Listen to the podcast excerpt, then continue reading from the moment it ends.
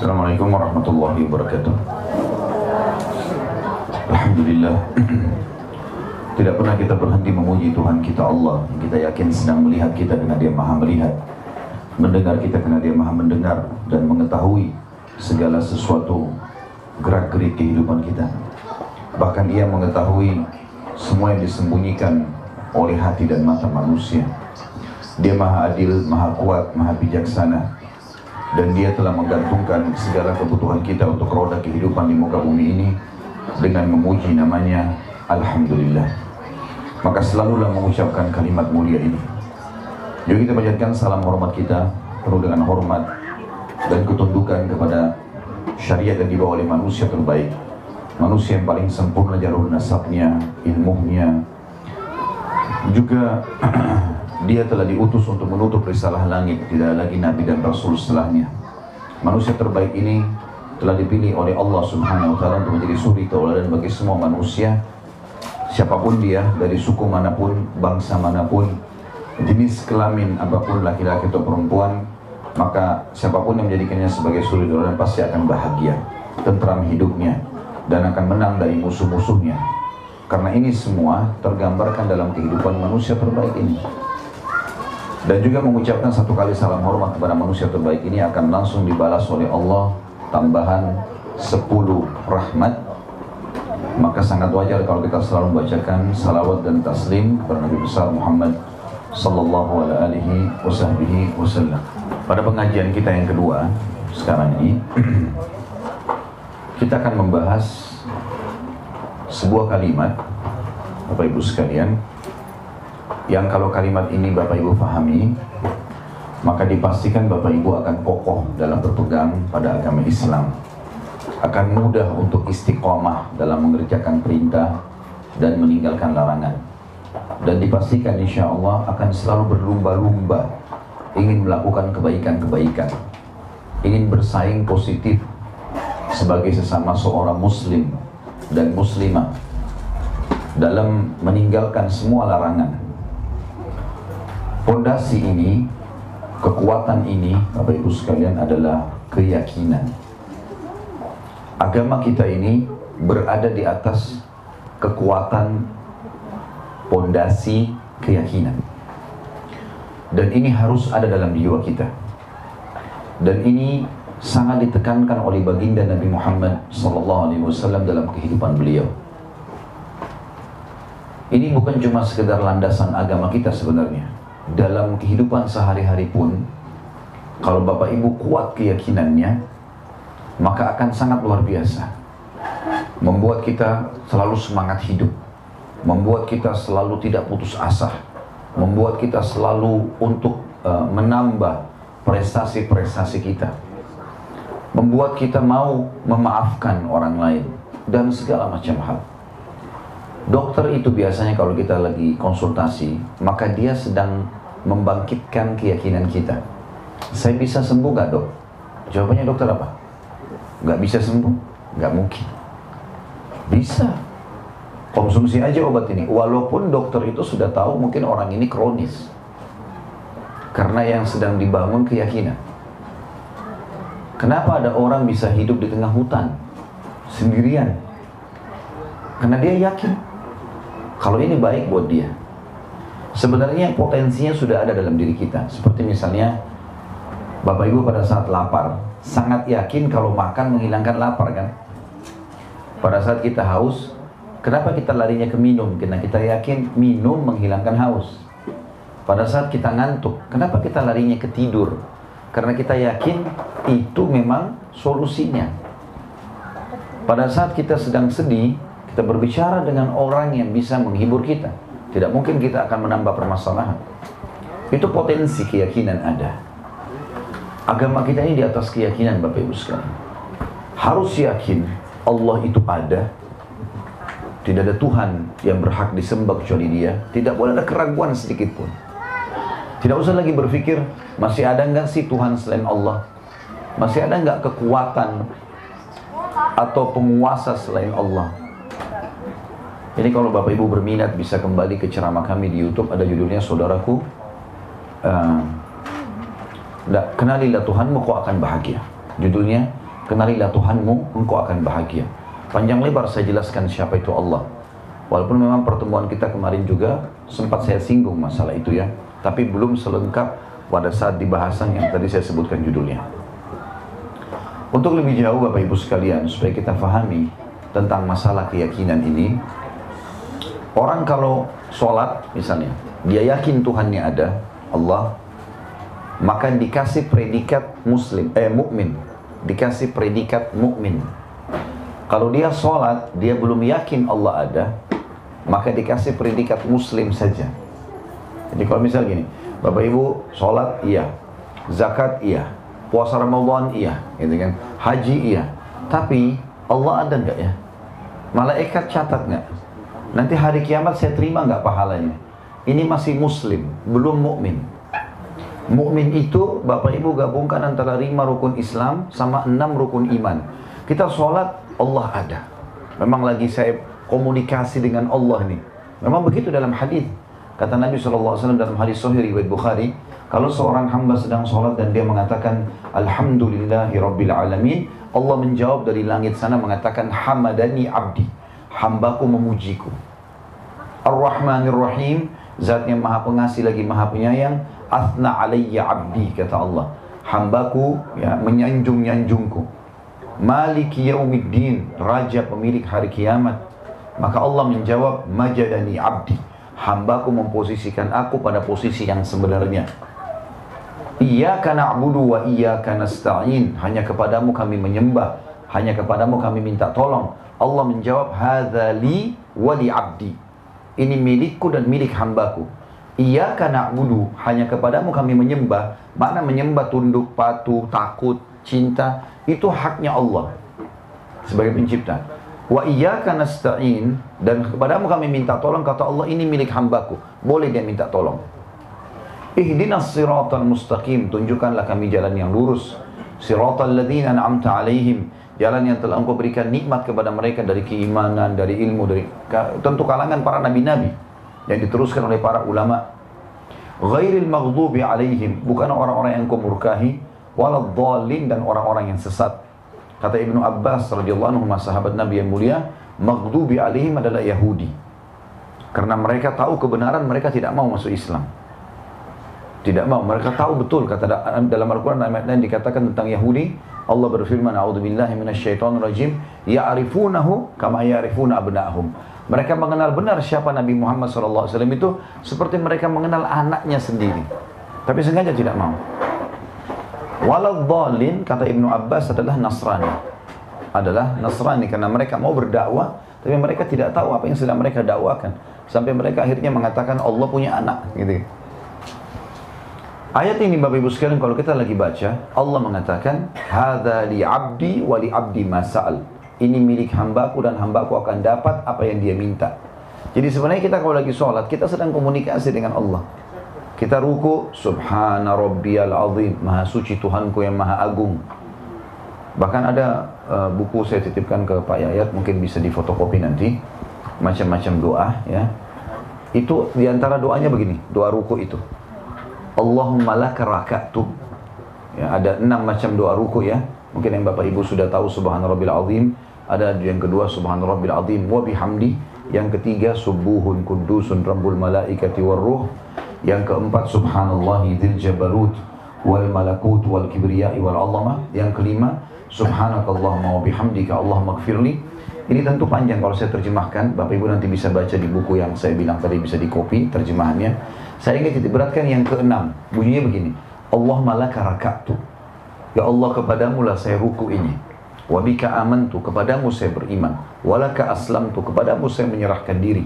Raka'a sam'i telah ruku pendengaranku wa basari penglihatanku wa lahmi dagingku wa dami dan darahku wa idhami dan tulang-tulangku wa asabi'i dan seluruh otot-ototku wa mastaqalla bihi qadami dan semua yang ditopang oleh kedua telapak kakiku ini kalau seorang hamba renungin dia sedang bicara sama Tuhan itu Sami Allahu liman hamida Allah telah mendengar siapa pun yang memujinya makanya kita bilang Rabbana walakal hamd Wahai pencipta kami segala puji bagimu. Allahu Akbar sujud. Subhana rabbiyal a'la. Maha suci Tuhanku yang maha tinggi. Di antara doa sujud juga ada enam macam. Di antaranya adalah Allah malaka sajidtu. Ya Allah kepadamu lah saya sujud. Wabika amantu kepadamu saya beriman. Walaka aslamtu kepadamu saya menyerahkan diri. Sajada wajhi telah sujud wajahku. Lilladhi khalaqahu wa sawwara kepada zat yang telah membuatnya dan melukisnya taruh alis seperti ini, mata seperti ini. Itu kalimat yang dalam sekali. Fatabarakallahu ahsanul khalikin. Maka maha berkah Allah sebaik-baik pencipta. Kita duduk juga di antara dua sujud. Rabbi warhamni wajuburni. Ya Allah maafkan saya. Ya Allah limpahkan kesehatan buat saya. Keselamatan buat saya. Banyak doa yang kita baca. Sampai terakhir tahiyat. At-tahiyatu lillah.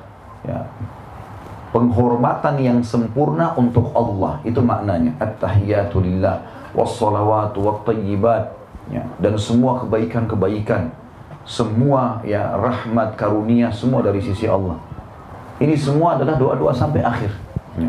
komunikasi dengan Allah kalau Bapak Ibu sholat Allahu Akbar dengan keyakinan penuh Allah ada bacaan ini kita renungi semua maka itu namanya mukmin Makanya pernah ada orang Badui datang di zaman baginda Nabi Muhammad wasallam.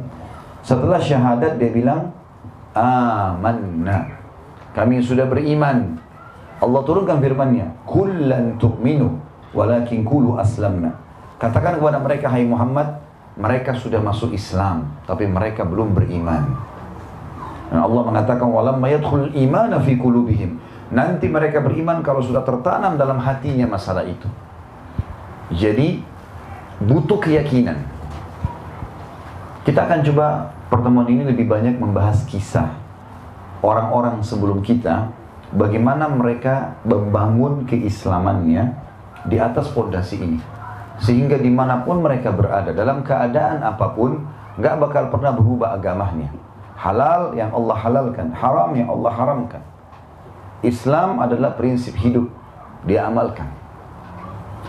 Kita ambil contoh yang terbaik adalah para sahabat Nabi Ridwanullahi alaihim.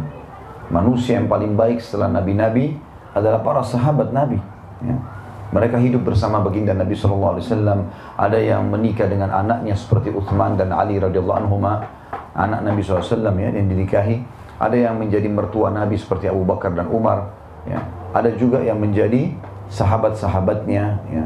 Ada yang menjadi pembantunya. Banyak sekali dan manusia yang terbaik dari kalangan sahabat ada empat khulafaur rasyidin itu Bapak Ibu tidak asing lagi Abu Bakar, Umar, Uthman, Ali radhiyallahu anhu kita coba lihat kehidupan para sahabat ini karena Bapak Ibu sampai ke telinga kita dan kita bisa baca di buku-buku tentang riwayat para sahabat bukan hanya sekedar kita kenang oh Abu Bakar sama Umar, Uthman, Ali itu radhiyallahu anhu adalah sahabat-sahabat yang jamin masuk surga baik apa manfaatnya buat kita supaya kita contohi Ikuti kehidupan mereka.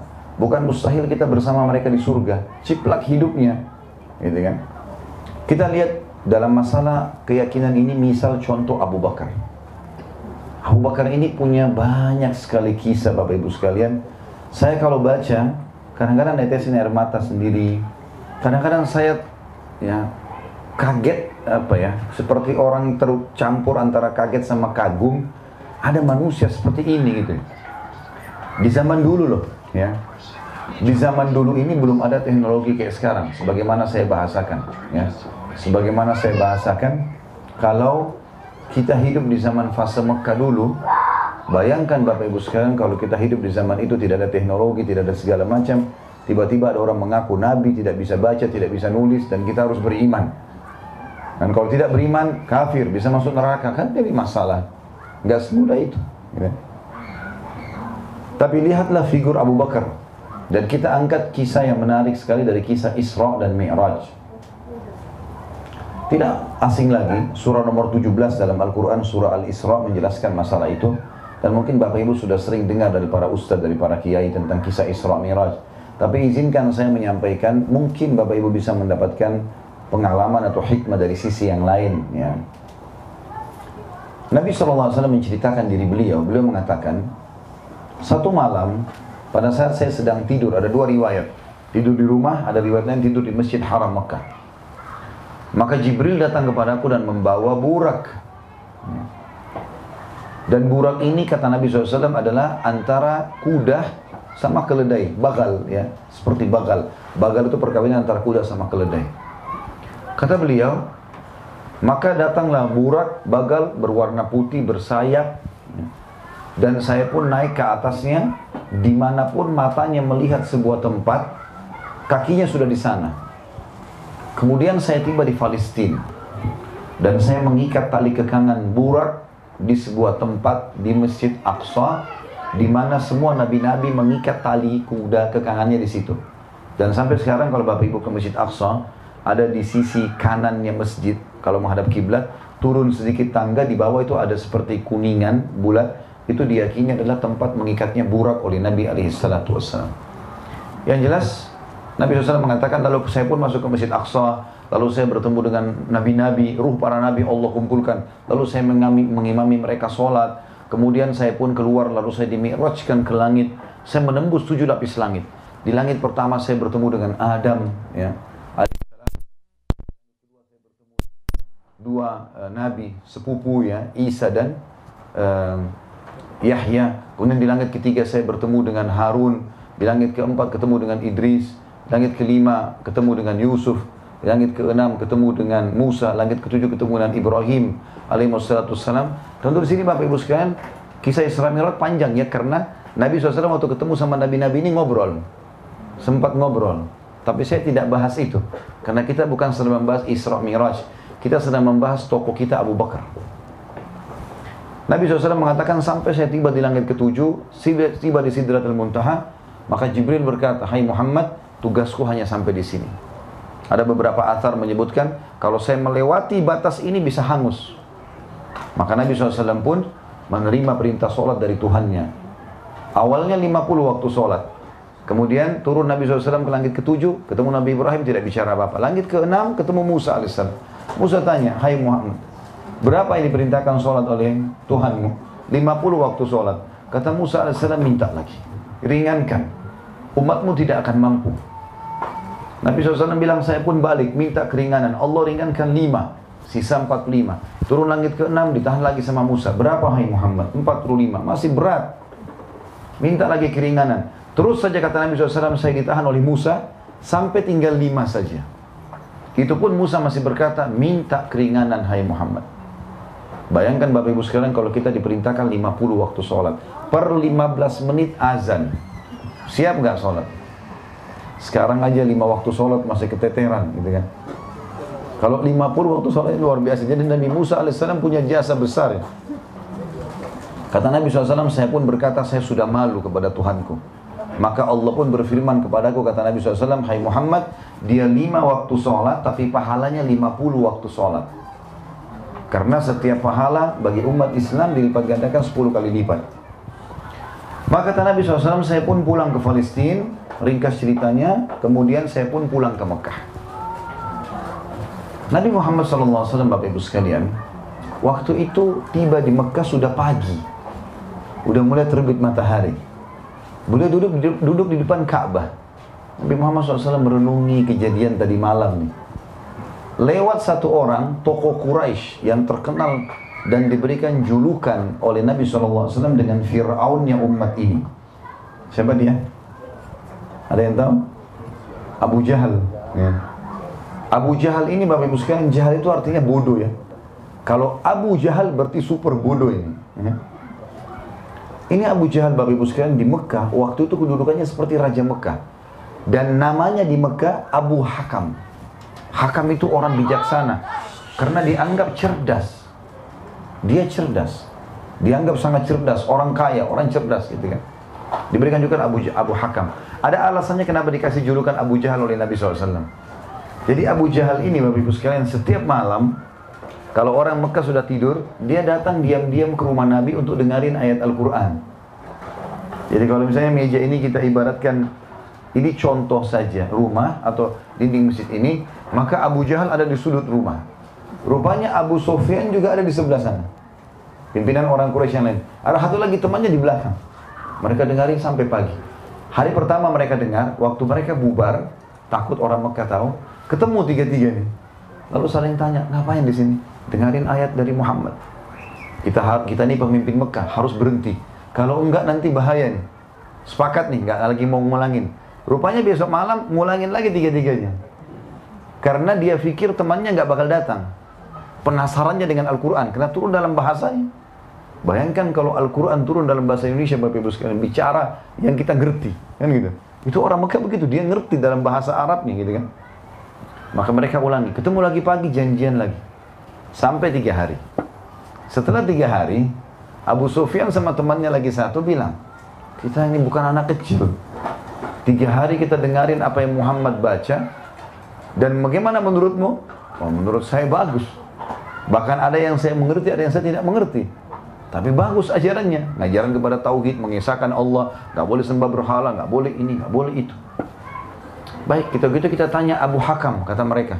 Tanya Abu Hakam. Nah ini alasan kenapa julukannya orang Islam bilang Abu Jahal supaya Bapak Ibu tahu. Pergilah dua orang ini Abu Sofyan sama temannya ke rumah Abu Jahal. Wahai Abu Hakam, kita bukan anak kecil. Sudah tiga hari kita dengarkan apa yang Muhammad sampaikan. Bagaimana menurutmu? Abu Jahal tundukkan kepala lalu dia angkat dia mengatakan, Demi Allah saya tahu apa yang Muhammad ajarkan benar. Dia tahu benar. Kata Abu Sufyan, lalu kenapa kau tidak beriman? Kau kan pimpinan kami. Kalau kau beriman, semua orang Mekah beriman. Dia bilang, ini alasannya, fanatisme kesukuan. Dia bilang, dari dulu suku saya sama suku Muhammad bersaing di Mekah. Kalau suku Muhammad memberikan minum dan makan jemaah haji, maka sukuku juga lakukan. Kalau suku Muhammad mengurus, membuat pasukan untuk membela Mekah, maka sukuku juga buat itu. Sekarang di sukunya Muhammad keluar Nabi. Muhammad ngaku Nabi. Di sukuku tidak ada Nabi maka pasti sukuku akan kalah. Gara-gara itu saya tidak mau beriman. Ini kan kebodohan Bapak Ibu sekalian. Ya. Karena pada saat itu kalau dia beriman, dia panen pahala satu Mekah. Dia nggak mau. Maka dia bilang, saya mengambil keputusan selamanya saya tidak akan beriman. Setelah Nabi SAW dengar itu, Nabi bilang, Abu Jahal. Orang ini goblok betul. Luar biasa. Kenapa dia nggak mau beriman? Baik itu julukan Abu Jahal. Abu Jahal ini benci sekali dengan Islam Bapak Ibu sekalian. Apalagi Nabi Muhammad wassalam karena dia anggap saingannya. Waktu Nabi SAW pulang Isra Mi'raj, lagi dulu depan Ka'bah merenungi kejadian tadi, lewat nih si Abu Jahal. Abu Jahal bilang, "Hai Muhammad, apa yang membuat mengolong-olong seperti itu? Kenapa kamu begitu kayak orang bingung?" Nabi Muhammad SAW Bapak Ibu sekalian dengan polos dia ceritakan. Tadi malam datang kepada saya Jibril bawa borak, borak itu kuda begini bersayap terbang ke Palestina. Sekejap mata, di mana matanya melihat sudah kakinya di sana. Sekejap mata. Kemudian saya ketemu dengan nabi-nabi A, B, C, D. Naik langit, ketemu nabi, perintah sholat, kembali lagi. Palestina kembali ke Mekah. Ringkas ceritanya, tentu Isra Mi'raj panjang. Nabi SAW menceritakan ke Abu Jahal. Dan pertama kali Abu Jahal duduk dengar dari Nabi nih. Apa kata Abu Jahal Bapak Ibu sekalian? Sekarang saatnya Muhammad dihancurkan. Ini kebohongan besar. Kuda bersayap. Dari mana ceritanya kuda bersayap? Belum lagi perjalanan Mekah Palestina waktu itu Bapak Ibu sekalian sebulan dengan kuda tercepat. Abu Jahal bilang, Bapak Ibu sekalian, Hai Muhammad, apakah kamu menempuh perjalanan Mekah Palestina yang kami tempuh dengan kuda terbaik kami dan laki-laki terbaik kami sebulan. Kamu tempuh dalam satu malam. Berarti pulang pergi harusnya dua bulan. Satu malam. Kata Nabi SAW, iya. Apa kata Abu Jahal? Wahai Muhammad, kalau saya kumpulin masyarakat Mekah semua, mau cerita nggak? Kata Nabi SAW, tentu saja. Nabi dengan polosnya, wahyu. Tapi bagi Abu Jahal ini sebuah hal yang luar biasa. Ini. Begini saja Bapak Ibu sekalian, saya kasih rasional. Supaya kita tahu bagaimana bobotnya kejadian pada saat itu ya. Kalau sekarang di masjid ini, ada orang Bapak Ibu sekalian yang bilang, saya tadi dua jam yang lalu baru take off dari Jakarta. Dan sekarang sudah tiba di California. Percaya nggak kira-kira? Dua jam. Walaupun sudah ada pesawat ya. Begitu rasionalnya zaman itu. Mereka tahu kendaraan tercepat kuda dan Mekah Palestina sebulan. Itu kalau non-stop. Laki-laki yang kuat kudanya sempurna. Berarti kalau orang santai-santai bisa dua bulan baru sampai. Dua bulan pulang pergi. Dapat dengan satu malam. Kata Nabi SAW, iya. Dia bilang, hai Muhammad, ceritain orang Mekah kalau saya kumpulin. Mau. Abu Jahal bukan mau ceritain orang Mekah supaya tahu keajaiban ini. Mau hancurin Nabi Muhammad SAW. Maka waktu Nabi bilang iya, dipegang tangannya Nabi SAW naik ke bukit Abi Kubais. Bukit Abi Kubais, Bapak Ibu sekalian, sebuah bukit yang ada di dekat Safa Marwah. Ya. Bukit ini khusus untuk menyampaikan iklan. Zaman dulu tidak kayak sekarang. Sekarang bisa informasi dari HP, bisa email, bisa apalah, medsos banyak ya. Zaman dulu nggak bisa. Jadi kalau ada informasi, harus ada satu orang naik ke Bukit Abi Kubais lalu teriak, Hai penduduk Mekah, ada kejadian begini, ada kejadian begitu. Misal ada pasukan musuh mau menyerang, misal ada uh, tokoh masyarakat yang mati, apalah ya. Dan yang naik di Bukit Abi Kubais waktu itu Bapak Ibu sekalian harus budak. Nggak boleh orang sembarangan. Dan harus dia. Kalau dia mati digantiin anaknya. Kalau ada orang lain naik bisa dipenggal lehernya. Karena orang naik berarti ada informasi penting. Waktu itu Abu Jahal memegang tangan Nabi SAW, membawa Nabi naik ke situ. Ke Bukit Abi Kubais. Orang-orang Mekah pertama kali lihat Bukit Abi Kubais ada dua orang, biasanya satu orang. Mereka kumpul. Waktu mereka dekat, mereka kaget. Yang di atas gunung ini, bukit ini, Nabi Muhammad SAW, orang terpercayanya Mekah, dan Abu Jahal yang mereka anggap raja mereka. Gitu kan? Maka orang muslimnya berkumpul karena Nabi SAW. Orang kafirnya berkumpul karena Abu Jahal. Maka setelah kumpul semua, kata Abu Jahal, Hai penduduk Makkah, hai Quraisy. Sebentar lagi Muhammad akan menyampaikan kepada kalian berita penting. Dengarkan baik-baik. Maka mereka pertama kali dengar Abu Jahal suruh dengar apa yang Nabi Muhammad SAW ucapkan. Tapi perlu tahu ya, sebelum kejadian Isra Mi'raj ini, Abu Jahal mengeluarkan instruksi orang Mekah, jangan pernah dengar satu huruf pun dari lisannya Muhammad. Dia penyihir. Sekarang dia suruh dengar. Orang-orang Mekah siap dengar. Maka kata Abu Jahal, Hai Muhammad, bicaralah. Nabi Muhammad SAW dengan polosnya Bapak Ibu sekarang sampaikan. Telah datang kepada saya burak, Jibril, kuda, terbang, bersayap, A, B, C, D, sampai selesai. Apa yang terjadi Bapak Ibu sekarang untuk diceritain? penduduk Mekah yang kafir bertambah kufur. Mereka saling bisnis sama lain, ini Muhammad gila. Dari mana kuda bisa bersayap, bisa terbang? Ke Palestina satu bulan. Ini aja kita nggak percaya, apalagi naik ke langit, ketemu Tuhannya. Tambah ngawur ini. Mereka tambah kufur. Yang sudah beriman di kalangan sahabat, sempat ragu sebagian mereka. Benar nggak ini? Tapi ini Nabi. Gitu kan? Abu Jahal tuh lihat keadaan tersebut itu target dia. Dia pun turun dari bukit sambil membisikkan dirinya sendiri dia bicara. Tapi ada sahabat Nabi yang dengar waktu itu. Dia bilang, sekarang agamanya Muhammad sudah habis. Lalu dia turun menuju ke bukit Abi Kubais. Maaf, dia menuju ke Darun Nadwa. Darun Nadwa ini Bapak Ibu sekalian seperti tempat perkumpulan lah. Mungkin Bapak Ibu di kota ini kumpulnya di masjid ini misalnya ya. Dan Darun itu tempat kumpulnya mereka.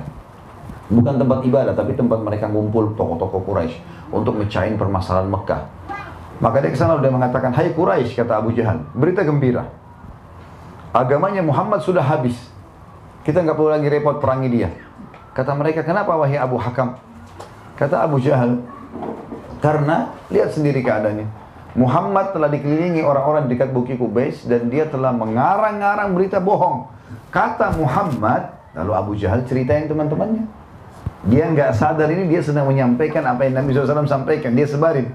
Katanya datang kepadanya malaikat bernama Jibril. Katanya datang burak kuda putih bersayap. Katanya terbang secepat ya eh, apa di mana mata dia memandang kakinya sudah di sana sampai ke Palestina lalu dia sholat di sana imami nabi-nabi dan, dan dan naik ke langit turun sampai ke sini panjang lebar Abu Jahal ceritakan teman-temannya semua ragu benar atau bohong mereka katakan penyihir lah, pendusta lah.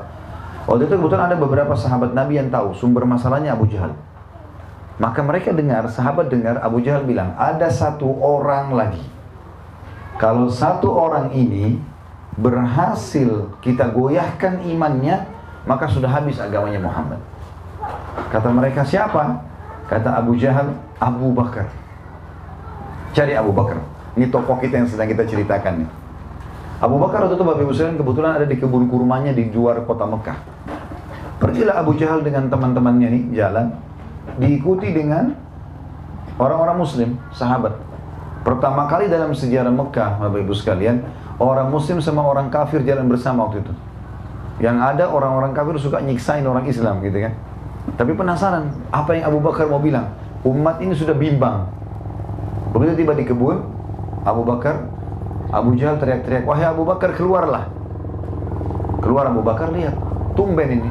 Kok Abu Jahal datang ke kebunnya? Belum pernah terjadi. Sama tokoh-tokoh Quraisy dan Pertama kali dalam sejarah Mekah orang beriman sama orang kafir jalan bersama. Lalu kata Abu Jahal, wahai Abu Bakar, sesungguhnya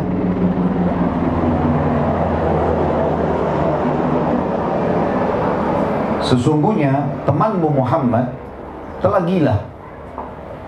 Masa dia ngarang cerita bohong? Katanya, kemudian Abu Jahal ceritain Abu Bakar. Abu Bakar ini belum dengar cerita Isra Miraj ini. Karena yang pertama kali ketemu sama Nabi tadi di orang Mekah Abu Jahal. Lalu diceritalah sama dia, datang malaikat Jibril, datang burak, datang, datang ABC sampai selesai. Begitu selesai, Abu Bakar sudah tahu. Ini Abu Jahal mau koyahkan imannya. Maka ada dua kisah, ada dua riwayat.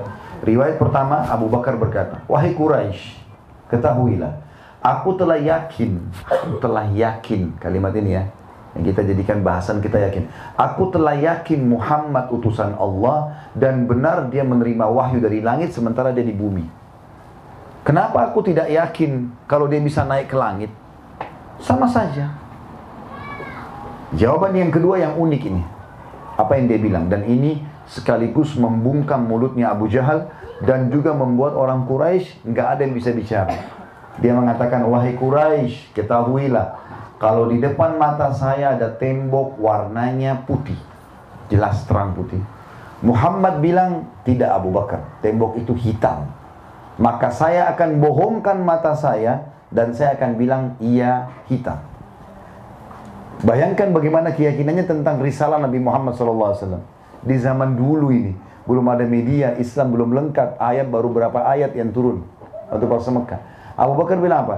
Kalau depan mata saya tembok putih, Muhammad bilang enggak Abu Bakar itu hitam. Saya bohongkan mata saya dan saya bilang oh iya hitam, betul. Mata saya yang salah. Sampai anggota tubuhnya pun dia lebih percaya Nabi SAW daripada anggota tubuhnya sendiri. Maka Abu Jahal jadi diam. Bagaimana caranya mengoyahkan imannya orang ini? Tembok putih, Muhammad bilang hitam ya hitam. Salah mata dia. Gitu kan. Abu Bakar waktu itu radhiyallahu anhu tahu ada masalah nih berarti. Dia bilang sama sahabat-sahabat itu, di mana Rasulullah SAW? Kata mereka, di bukit Abi Kubais, dikurumuni orang. Abu Bakar segera datang, naik kuda. Pergi ke sana. Begitu tiba di sana, dari jauh dia sudah lihat Nabi SAW di atas bukit, bukit Abi Kubais. Abu Bakar sambil jalan sambil teriak, Ya Rasulullah, dengan suara keras. Ya Rasulullah. Rasulullah SAW lihat dari atas bukit, lebih tinggi kan, tahu. Senyum melihat Abu Bakar, tahu siapa yang datang ini. Lalu Abu Bakar di atas kuda sengaja teriak-teriak dengan suara keras. Ya Rasulullah, Abu Jahal datang ke kebun saya. Dan dia berkata, katanya anda berkata, mulai Abu Bakar ulangi ceritanya Isra Miraj. Datang kepada anda malaikat Jibril, datang kepada anda membawa borak yang bersayap putih, terbang dan dan dan dan dan sampai habis. Jadi Abu Bakar sambil jalan Bapak Ibu sekalian sambil ceritain Isra Miraj. Jadi makin nyebar berita itu. Gitu kan. Begitu selesai naik ke bukit Abi Kubais, lalu dengan suara keras Abu Bakar, bukan tidak santun dengan Nabi SAW, tapi mau memperdengarkan orang. Segitu tiba langsung mengatakan, Ya Rasulullah, saya mau tanya, benarkah itu? Kata Nabi SAW, iya benar. Gak ada keraguan. Betul, ini bukan mimpi, bukan apa, ini betul.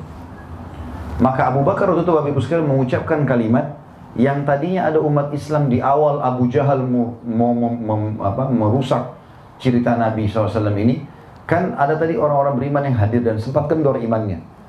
Abu Bakar mau kembalikan iman mereka. Kata Abu Bakar kalimat satu saja. Anda pasti benar. Kalimat yang luar biasa. Cerita ini benar. Gak ada cerita yang lain. Dan ini Abu Bakar luar biasa Bapak Ibu sekalian. Sampai kata Nabi SAW, tidak ada orang yang aku ajak masuk Islam kecuali bertanya, masih bertanya. Kecuali Abu Bakar. Abu Bakar nggak ada tanya. Saya utusan Allah, Anda utusan Allah. Nggak ada ceritanya, pokoknya ah ah. Gitu. Jadi luar biasa, keyakinan yang luar biasa. Sampai kata Nabi SAW, kalau iman umat ini semua ditimbang di sebuah timbangan, dan imannya Abu Bakar ditimbang di sebelah, tetap lebih berat imannya Abu Bakar. Bapak Ibu tahu Abu Bakar itu seperti apa badannya? Kecil, kurus. Sampai dikatakan dalam riwayat kalau angin meniup, tertiup, itu terdorong badannya. Tapi subhanallah Islam tidak melihat fisik seseorang. Jiwa ruhnya. Ada orang kekar, tapi ruhnya lemah. Imannya seperti kerupuk. Hmm. Sakit sedikit, merengek. Ada masalah sedikit, gak bisa hadapi. Orang kalau jiwanya kekar Bapak Ibu sekalian, biar fisik kita lapar, biar capek, jiwa itu bisa membuat dia semangat. Jiwa itu diobat makanannya seperti di majelis ilmu, keimanan, itu makanan dia. Maka Bapak Ibu kalau duduk begini, Ibu sedang menyehatkan, sedang mengolahragakan, memberikan gizi yang sangat luar biasa buat ruh kita. Dan ruh kalau kuat luar biasa. Mau dingin, mau panas, mau kaya, mau miskin, mau sakit, mau sehat, aman. Yang penting juruhnya kuat. Gitu ya. Begitu Abu Bakar radhiyallahu Maka Abu Bakar di sini Bapak Ibu sekalian, dengan perkataan dia tadi sudah membuat umat Islam kembali imannya. Sekarang Abu Bakar mau membalik keadaan. Bagaimana supaya satu Mekah percaya Isra Mi'raj terjadi. Bayangkan ini. Ini nggak gampang ya. Kalau sekarang saya bilang, Bapak Ibu ini surah Isra ayat 1 menjelaskan, ini loh hadisnya, ini kitab rujukannya, kita gampang. Dan semua ustadz kita tanya akan jelasin hal yang sama. Mau bahasa Inggris, mau bahasa Arab, mau bahasa Afrika, Isra Mi'raj sama kajiannya. Ya. Tapi waktu itu beda, Bapak Ibu sekalian. Maka Abu Bakar lihat ya, bagaimana luar biasa dengan keyakinan dia bisa membalik keadaan orang Mekah yang kafir bisa yakin, oh iya Isra Mi'raj terjadi. Apa yang dia lakukan? Dia bilang, ya Rasulullah, semua orang Mekah di sini tahu kalau Anda belum pernah ke Palestina. Kami semua tahu itu. Dan Abu Bakar balik ke orang-orang Quraisy. Ada Abu Jahal sama teman-temannya di bawah bukit. Hai Quraisy, kalian tahu kan kalau Muhammad belum pernah ke Palestina? Iya, kami tahu. Baik. Saya mau minta satu hal kata Abu Bakar. Sebentar lagi saya akan minta kepada Muhammad sallallahu alaihi wasallam untuk menceritakan tentang Palestina Bagaimana pintu gerbangnya, bagaimana rumah-rumahnya, bagaimana pasarnya, apa kebiasaan orang lah yang bisa biasa kalau kita masuk kita bisa lihat ya di pinggir jalan. Ceritakan dan bagaimana Masjid Aqsa. Kalau apa yang Muhammad ceritakan seperti yang kalian ketahui, karena di situ kebetulan tokoh-tokoh Quraisy semua sudah pernah ke Palestina.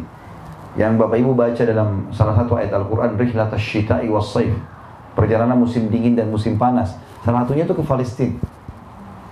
Jadi mereka per 6 bulan, 6 bulan ke Palestina, 6 bulan ke Yaman. Mereka kalau mau dagang, begitu orang-orang Quraisy dulu ya. Jadi mereka tahu betul Palestina. Ya. Apalagi sering bolak-balik. Maka kata Abu Bakar, kalian kan tahu betul Palestina. Ini Muhammad belum lagi Palestina. Kalau Muhammad cerita tentang Palestina, pintu gerbangnya, jalannya, pasarnya, persis seperti yang kalian tahu, maka kan harus sportif mengatakan Muhammad benar. Tapi kalau ada satu saja yang Muhammad cerita tentang Palestina salah, tidak seperti kalian lakukan atau kalian ketahui, maka kalian punya hak mendustakan Muhammad selamanya. Setuju? Setuju. Baik. Balik kepada Nabi SAW. Ya Rasulullah, ceritakan kepada kami tentang apa yang anda lihat di Palestina. Apa kata Nabi Muhammad SAW? Pada saat itu Allah membuka di depan mata saya Palestina.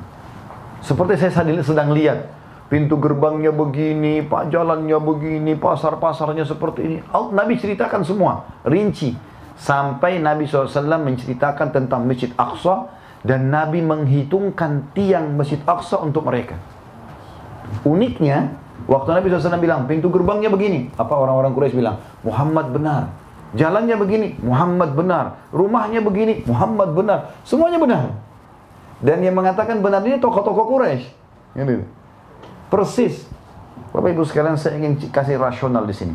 Kalau seandainya sekarang, sekarang ini saya mau ceritakan Bapak Ibu mana keramik, mana batunya, lantainya Masjid Aqsa yang pecah, saya bisa sekarang buka internet kan kita bisa pakai satelit bisa tahu ya.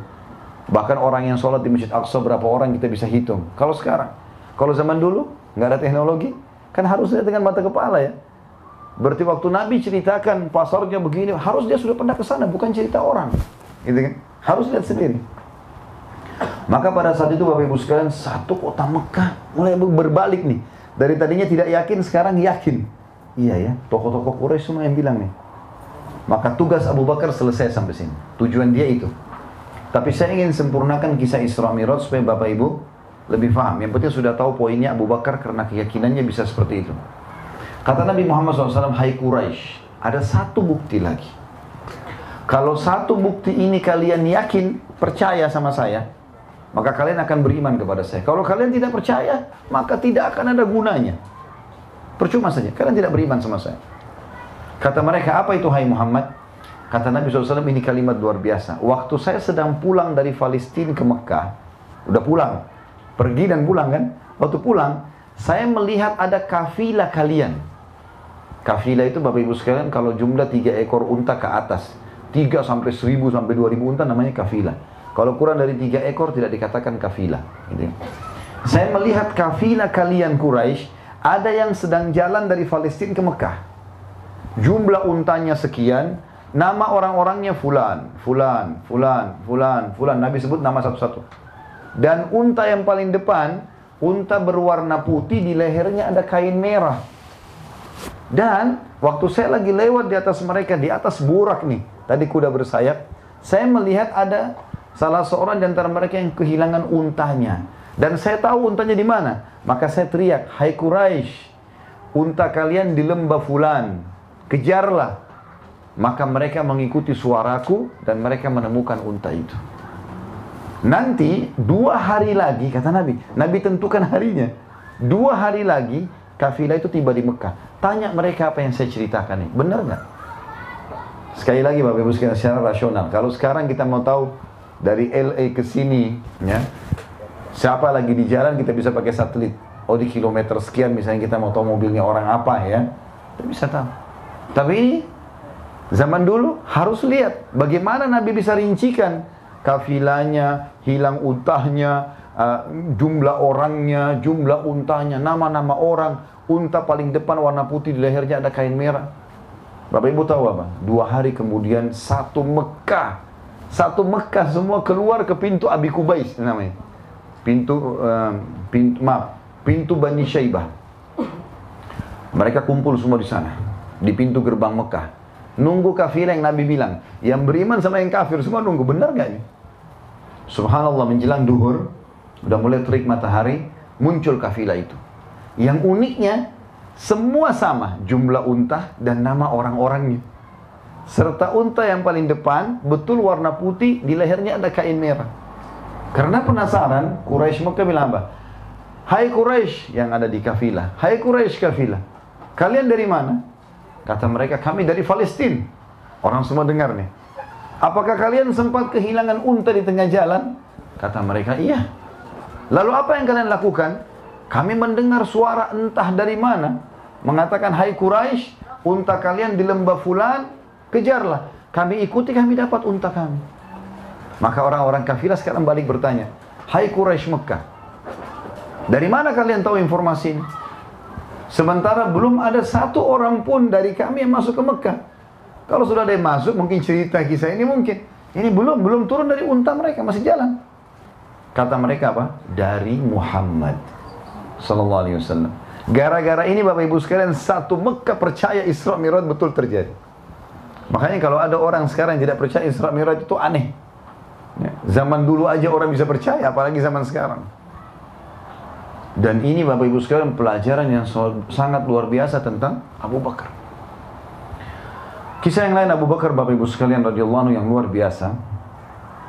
Beliau pernah satu waktu jalan bersama Nabi Shallallahu Alaihi Wasallam menuju ke Mekah untuk umroh setelah perang Ahzab. Perang Ahzab ini terjadi kalau tidak salah di tahun 5 Hijriah. Ya Allah sebutkan dalam surah nomor 33 dalam Al-Quran, surah Ahzab. Setelah itu Nabi SAW umrah dan ikutlah kurang lebih 1400 atau 1399 sahabat. Begitu tiba di Mekah, sebelum masuk Mekah, orang-orang Quraisy supaya mau menahan Nabi SAW. Larang masuk. Maka Nabi SAW berkemah di wilayah namanya Hudaybiyah, di luar wilayah haram sedikit. Maka terjadilah dialog yang panjang antara Quraisy sama Nabi SAW mereka tetap melarang tidak boleh umat Islam masuk maka Umar radhiyallahu anhu sempat jengkel dengan ini Nabi SAW pun akhirnya menulis kesepakatan, oke okay lah kita tidak usah umrah tahun ini, tahun depan baru umrah. Kesepakatan damai tidak boleh perang selama 10 tahun. Kemudian juga ada kesepakatan siapa pun orang Mekah yang masuk Islam maka tidak boleh dilarang untuk pergi ke Mekah, bahkan harus dipulangkan ke Mekah. Dan siapa pun orang Madinah yang murtad dari Islam, nggak boleh diambil kembali. Ini kan curang sebenarnya. Sahabat-sahabat ini pada pegel dengan kesepakatan ini kan, termasuk Umar. Umar mengatakan, Ya Rasulullah, Umar ini. Ya Rasulullah, bukankah kita benar? Kata Nabi SAW, betul. Bukankah orang Quraisy salah? Kata Nabi SAW, betul. Lalu kenapa kita hinakan diri kita? Mestinya kita lawan saja perang. Kenapa harus kita sepakat damai? 1400 orang cukup lawan Mekah. Kata Nabi SAW, belum ada perintah hai Abu Bakar. Eh, belum ada perintah hai Umar. Maka Umar penasaran, dia datang kepada Abu Bakar. Wahai Abu Bakar, bukankah kita benar? Kata Abu Bakar, iya. Bukankah kita salah? Bukankah Quraisy salah? Kata Abu Bakar, iya. Lalu kenapa kita hinakan diri kita? Perang aja. Ajak Rasulullah pulang. Apa kata Abu Bakar? Ini jawaban yang membuat akhirnya Umar jadi diam. Wahai Umar, ini adalah utusan Allah. Ini Rasulullah. Tidak mungkin keputusannya salah. Jangan kau bantah. Di mana dia letakkan kakinya, di situ kau letakkan kakinya. Abu Bakar, Abu Umar begitu dengar, oh iya ya, berhenti langsung. Jadi apa pun keputusan yang diambil Nabi SAW tidak ada yang salah. Semua benar. Dan ternyata betul memang benar. Allah turunkan dalam Al-Quran, kenapa Allah tahan mukminin supaya tidak menyerang Mekah dalam surah Al-Ahzab? Karena ternyata di Mekah ada banyak penduduk Mekah yang pura-pura yang yang masuk Islam tapi dia sembunyikan keislamannya, gitu kan? Kata Allah SWT, kalau kalian masuk serang Mekah waktu itu kalian tidak tahu mana muslim, mana kafir, karena akan membunuh semuanya. Maka Allah menahan kalian. Barulah Umar berkata, sungguh pendapat Allah dan Rasulnya lebih benar. Tapi Abu Bakar di sini dengan sangat yakin masalah itu. Gitu kan? Juga kejadian yang sangat besar di zaman Abu Bakar radhiyallahu anhu pada saat Nabi Muhammad SAW meninggal dunia. Masyhur sekali kisahnya. Waktu Nabi SAW meninggal Bapak Ibu sekalian, semua umat Islam sedih. Sampai kata para sahabat, kami waktu itu seseorang di antara kami sampai mencari tempat pohon untuk bersandar, batu, oh, hanya untuk menangis. Mereka tidak ya tidak bimbang benar gak Rasulullah mati, tapi beritanya mati benar. Termasuk yang waktu itu bimbang adalah Umar bin Khattab. Umar bin Khattab terkenal dengan ketegasan nanti kita ceritakan tentang kisahnya gitu kan.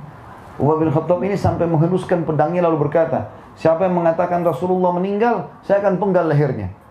Umat Islam dalam kondisi bingung, Umar pun dengan tegasnya begitu. Orang semua bingung, apa ini berita yang sebenarnya? Memang Rasulullah sudah meninggal. Maka mereka pun melapor kepada Abu Bakar. Abu Bakar lagi di kebunnya, datang ke rumah Nabi SAW, dilihat Nabi meninggal, sudah mati. Lalu Abu Bakar kecup di antara dua keningnya, lalu menutup dengan kain sambil mengatakan, Ya Rasulullah, engkau hidup mulia dan engkau juga sudah meninggal mulia. Mati yang Allah janjikan untukmu sudah terjadi, gitu kan? Dan kau tidak akan pernah merasakannya setelah ini. Lalu Abu Bakar keluar. Mendekati Umar. Umar lagi teriak-teriak, siapa yang bilang Rasulullah mati, saya akan penggal. Maka Abu Bakar pun menepuk pundaknya. Hai Umar, ala rizkik. Tenanglah hai Umar. Umar waktu awal tidak ada tidak mau dengar karena dalam kondisi dia masih jengkel gitu kan. Lalu Abu Bakar menegaskan suara yang lebih tegas lagi, "Hai Umar, ala rizkik." Wahai Umar, tenang. Maka waktu dia lihat Abu Bakar dia tenang. Lalu Abu Bakar naik di mimbar mengucapkan kalimat Bapak Ibu sekalian yang merupakan keyakinan setiap muslim. Dia mengatakan man kana ya'budu Muhammadan fa inna Muhammadan kad mat wa man kana ya'budullah fa inna Allah hayyun la yamut. Siapa di antara kalian yang mengaku menyembah Muhammad, tahulah Muhammad sudah mati. Dan siapa yang menyembah Allah, Allah itu hidup tidak akan pernah mati. Ya, maka Abu Bakar pun membacakan beberapa ayat Al-Quran yang menyebutkan kalau Nabi SAW akan mati, gitu kan? Maka Umar pun mengatakan seakan-akan ayat-ayat itu baru saya dengar sekarang. Padahal tadinya sudah dari dulu saya hafal. Tapi ternyata yang membuat akhirnya umat Islam bisa menerima keadaan kematian Nabi SAW karena keyakinannya Abu Bakar. Abdullah bin Mas'ud berkata anhu, kami tidak ada bedanya dalam hal ibadah dengan Abu Bakar. Karena Abu Bakar sholat, kami sholat. Abu Bakar puasa, kami puasa. Abu Bakar sodaka, kami sodaka. Abu Bakar jihad, kami jihad. Tapi kami tidak bisa menyaingi Abu Bakar di keyakinannya. Luar biasa. Halal, nikmati. Haram, tinggalkan. Nggak ada negosiasi. Perintah Allah kerjakan. Ya. Yang dilarang tinggalkan. Selesai. Nggak ada negosiasi dalam masalah. Allah berfirman, Rasulullah bersabda, titik. Itu seorang muslim. Ya. Kita pindah ke kisah Umar bin Khattab. Umar radhiyallahu juga adalah sahabat Nabi yang mulia terkenal dengan ketegasannya. Saking tegasnya diberikan julukan oleh Nabi SAW dengan As-Siddiq. Maaf, Al-Faruq. Ya. Kalau As-Siddiq itu Abu Bakar. Setelah Abu Bakar tadi benarkan tentang kisah Isra Mi'raj di Isra Nabi SAW, Nabi mengatakan dia Siddiq. Orang yang mempercayai wahyu. Kalau Umar punya julukan Al-Faruq. Faruq artinya membedakan mana baik, mana mana mana benar, mana salah. Umar juga termasuk orang yang sangat tegas, tapi tentu Abu Bakar lebih utama daripada Umar anhu Umar bin Khattab ini, Bapak Ibu sekalian, salah satu keutamaannya adalah pernah satu waktu dia lagi masuk ke rumah Nabi Wasallam, kemudian para istri Nabi lagi bicara dan suara mereka tinggi, bukan kena tidak santun sama Nabi SAW, tapi lagi ngobrol satu sama yang lain perempuan-perempuan lagi pada ngobrol. Begitu Umar datang, semua diam, nggak ada yang berani ngomong gitu. Lalu kata Nabi SAW sambil senyum gitu kan. Uh, apa Umar waktu lihat itu lihat Nabi senyum. Kata Umar ya Rasulullah, kenapa anda senyum? Semoga Allah membuat anda selalu senyum. Kata Nabi SAW, saya heran dengan wanita-wanita ini. Waktu kau belum datang tadi, suaranya mereka tinggi semua. Begitu kau datang senyap, nggak ada suaranya. Maka kata Umar, hai musuh-musuh Allah. Umar bilang sama para istri Nabi, hai musuh Allah gitu. Apakah kalian takut kepada saya dan tidak takut pada Rasulullah SAW? Maka kata Ummu Salamah, istri Nabi yang paling tua. Tentu saja hai Umar, karena Rasulullah lebih lembut daripada kamu. Umar orangnya tegas. Luar biasa gitu. Apa kata Nabi SAW? Wahai Umar, wahai Ibnu Khattab. Gara-gara ketegasanmu ini, halal, halal, haram, haram, gak ada main-main gitu kan. Maka ketahuilah, demi zat yang jiwaku dalam genggaman, maksudnya ubun-ubunku dalam genggamannya, demi Allah maksudnya. Kalau kau lewat di sebuah lembah, setan lihat kau lewat di lembah itu dia cari lembah lain. Karena takut bertemu dengan Umar. Bapak Ibu sekalian, Umar punya kisah banyak sekali radhiyallahu anhu. Luar biasa juga kisah-kisahnya. Tapi di antara kisah yang berhubungan dengan keyakinannya adalah beliau pernah Bapak Ibu sekalian didatangi oleh anaknya dan anaknya ini berkata kepada ayahnya Umar, anaknya masih kecil kebetulan. Ayah, teman-teman saya mengolok-olok saya di zaman khilafahnya beliau. Karena baju saya sobek. Beliin baju baru ayah. Maka kata Umar, baiklah. Pergi ke Baitul Mal. Baitul Mal itu kayak tempat penyimpanan pangan dan eh, waktunya harta, makanan, minuman, apa persiapan umat Islam, termasuk harta. Kata Umar, pergilah kepada pamanmu penjaga Baitul Mal, sampaikan salamku dan bilang, kalau ayah ayahmu sedang meminta gajinya dimajukan, ambil itu lalu belilah baju. Gitu ya. Maka dia anaknya pun pergi ke sana lalu berkata, paman, ada salam. Ayahku Amir Mu'minin Umar bin Khattab menitip pesan, katanya kalau bisa gajinya dimajukan. Lalu kemudian saya akan ambil untuk beli baju karena teman-teman saya mengolok baju saya sobek. Lalu kata penjaga itu bilang apa? Sampaikan salam kepada ayah Amir Mukminin. Bilang, apakah ada jaminan? Ada jaminan bahwasanya ayah masih hidup, masih bisa hidup sampai akhir bulan sehingga dia bisa bayar itu. Sekarang belum selesai. Belum tanggal terima gajinya. Kalau dia ambil sekarang, apa ada jaminan dia bisa hidup sampai akhir bulan nanti? Maka anaknya dengan polos pulang. Wahai ayahku, pamanku penjaga Baitul Mal bilang, sampaikan kepada ayahmu salam dan bilang, katakan apakah masih ada jaminan kau, uh, engkau akan hidup sampai akhir bulan? Maka tiba-tiba Umar bin Khattab menangis terisak-isak, gitu kan? Sambil mengatakan pamanmu benar, pamanmu benar, gitu kan? Tidak ada yang bisa menjamin Umar hidup sampai akhir bulan. Apa yang mendorong seperti ini Bapak Ibu sekalian? Kenapa Umar seperti ini? Padahal dia raja, dia bisa suruh ambil gaji. Bahkan bisa utang, gitu kan? Tapi subhanallah, kuasa Allah SWT. Kisah yang lain, Bapak Ibu sekalian, Umar bin Khattab radhiyallahu anhu ini pernah satu waktu mengirim surat kepada Raja Romawi untuk mengajak masuk Islam. Rupanya Raja Romawi ini masih berpikir. Dan dia kalau menawarkan Islam, kalau mereka tolak, maka mereka bayar upeti. Namanya jizya dalam Al-Quran. Maka raja ini berpikir upeti aja. Mereka juga tidak mau berperang dengan muslimin. Itu salah satu orang Perdana Menterinya raja ini yang membawa sekitar 3000 prajurit diikuti dengan banyak sekali peti-peti emas untuk dibayar kepada Umar gitu ya. Masuklah ke Madinah prajurit-prajurit Romawi ini. Begitu masuk itu gerbang Madinah, tentu banyak peti-peti emas dijaga oleh pengawal-pengawal. Maka lewat seorang muslim penduduk Madinah, lalu kata Perdana Menteri Romawi ini, Hai muslim, berhenti dia. Saya mau tanya, di mana istanahnya Raja Agung Umar?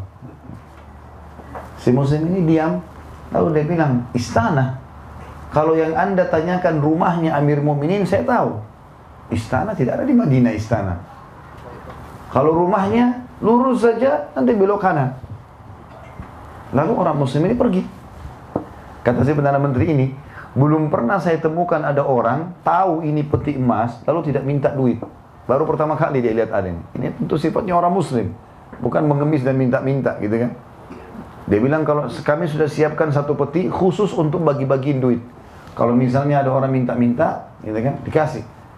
Jadi ini orang tidak minta, sudah jadi tanda tanya buat dia. Kenapa orang ini? Orang kaya raya kah? Tapi kalau kaya raya tidak mungkin jalan kaki, gitu kan. Dia jalan terus sampai di ujung dia belok kanan jalan Madinah. Rumah semua sama waktu itu. Kotak saja, satu pintu, dua jendela. Kalau dua lantai tinggal tambah dua jendela di atas. Itu rumah paling besar. Dia jalan-jalan, tidak ada penduduk Madinah juga kosong, nggak ada penjaga-penjaga. Sampai dia ketemu sama satu muslim, ada lagi situ muslim penduduk Madinah lagi duduk di bawah pohon. Lalu dia bilang, hai muslim, Berdirilah orang itu. Lalu dia tanya, di mana istananya Raja Agung Umar? Kata si muslim itu, kenapa engkau mencari Umar? Dia bilang ada surat datang Raja Agung Umar kepada Raja kami Romawi. Mengajak kami masuk Islam. Dan Raja kami masih menolak. Maka kami membawa ini upetinya. Kami akan bayar. Ya. Maka dia bilang kami mau bayar, mau bertemu dengan Umar. Lalu orang itu pun melihat kiri kanan, dia lihat banyak sekali peti. Dia mengatakan, bagaimana ini ini orang lagi bicara sementara dia di bawah, Perdana Menteri di atas kuda ya. Kata orang itu, bagaimana kalau yang di depanmu ini Umar? Maka orang itu bingung, apakah anda betul Umar? Kata dia, iya, saya Umar. Turunlah Perdana Menteri ini, begitu menghadap depan Umar lalu dia mengatakan, Asyhadu an la ilaha illallah anna Muhammad Rasulullah. Masuk Islam. Kata Umar, kenapa kau masuk Islam? Dia bilang, saya sudah lama dengar nama Anda dan saya sekarang baru tahu kenapa orang-orang di negeri saya kalau dengar nama Anda saya sudah ketakutan. Ya. Anda di sini ngapain? Di bawah pohon Amir Mukminin. Dia bilang saya lagi tunggu baju saya dicuci. Umar bilang, dia cuci bajunya sendiri, dia gantung depan rumah. Saya lagi tunggu kering. Jadi duduk di bawah pohon. Apakah anda tidak punya pengawal? Nggak ada pengawal. Saya bersama dengan Allah. Dia bilang gara-gara itu saya masuk Islam. Umar bin Khattab tidak punya pengawal, tidak punya pendamping, duduk sendiri dengan keyakinan bahwasanya dia bersama Allah. Dan di zaman beliau, ya, itu Islam sudah menguasai setengah dunia. Karena tahun 15 Hijriah, utara Jazirah Arab, negeri Syam dan Turki bagian Asia takluk di tangan Umar bin Khattab yang dikirim pasukan dipimpin Abu Ubaidah bin Jarrah dan Khalid bin Walid radhiyallahu anhu Tahun 16 dikenal dengan perang Yarmuk gitu ya. Tahun 16 Hijriah diutuslah pasukan ke, ke, ke Persia, takluklah Iran, Irak, Afghanistan, Rusia. Pada saat itu dipimpin oleh Sa'ad bin Abi Waqqas, panglima perangnya Umar bin Khattab, dengan 30 ribu orang mengarahkan 240 ribu. Tahun 20 Hijriah, Umar berkuasa dari tahun 13 sampai 23. Tahun 20 Hijriah, beliau utus lagi pasukan 8 ribu orang menuju ke Mesir, dipimpin oleh Amr bin As radhiyallahu anhum ajma'in tembus Mesir, Afrika Utara, Mesir, Tunis, Jazair, Maroko, seluruh Afrika bahkan Spanyol nanti terbuka masuknya Islam di sana. Setengah dunia dikuasai, nggak ada pengawalnya satupun. Apa yang membuat Umar bin Khattab bisa lakukan ini Bapak Ibu sekalian? Bahkan Umar bin Khattab tidak pernah tidur di malam hari kecuali sudah keliling Madinah, tidak ada pengawalnya, sendirian jalan. Kisah yang masyhur mungkin Bapak Ibu pernah dengar, kalau sudah mendengar Alhamdulillah, kalau belum dengar bisa diambil pelajaran. Satu malam Umar bin Khattab pernah sakit tiga hari. Satu hari pernah sakit tiga hari. Nggak keluar dan biasanya beliau keluar. Setiap hari lihat orang-orang Madinah kalau sudah ada tidak ada lagi yang perlu baru dia tidur gitu. Sendirian jalan. Satu hari dia satu hari pernah sakit tiga hari dia nggak keluar. Hari keempat beliau keluar. Jalan terus sambil ke pinggir kota Madinah ada api unggun. Kemudian beliau lihat mampir ke sana ada seorang ibu, anak-anaknya tiga orang lagi nangis di depannya. Lalu kata Umar setelah salam, wahai amatullah. Amatullah ini maksudnya hamba Allah, ya perempuan. Kalau laki-laki Abdullah, ya. Wahai amatullah, ada apa denganmu? Dia bilang pemimpin negeri ini tidak adil. Dia nggak tahu kalau ini Umar. Gitu. Kata Umar, kenapa? Dia bilang, saya sama anak saya sudah lapar tiga hari. Jadi tiga hari yang Umar tidak keluar, di situ ada kelaparan.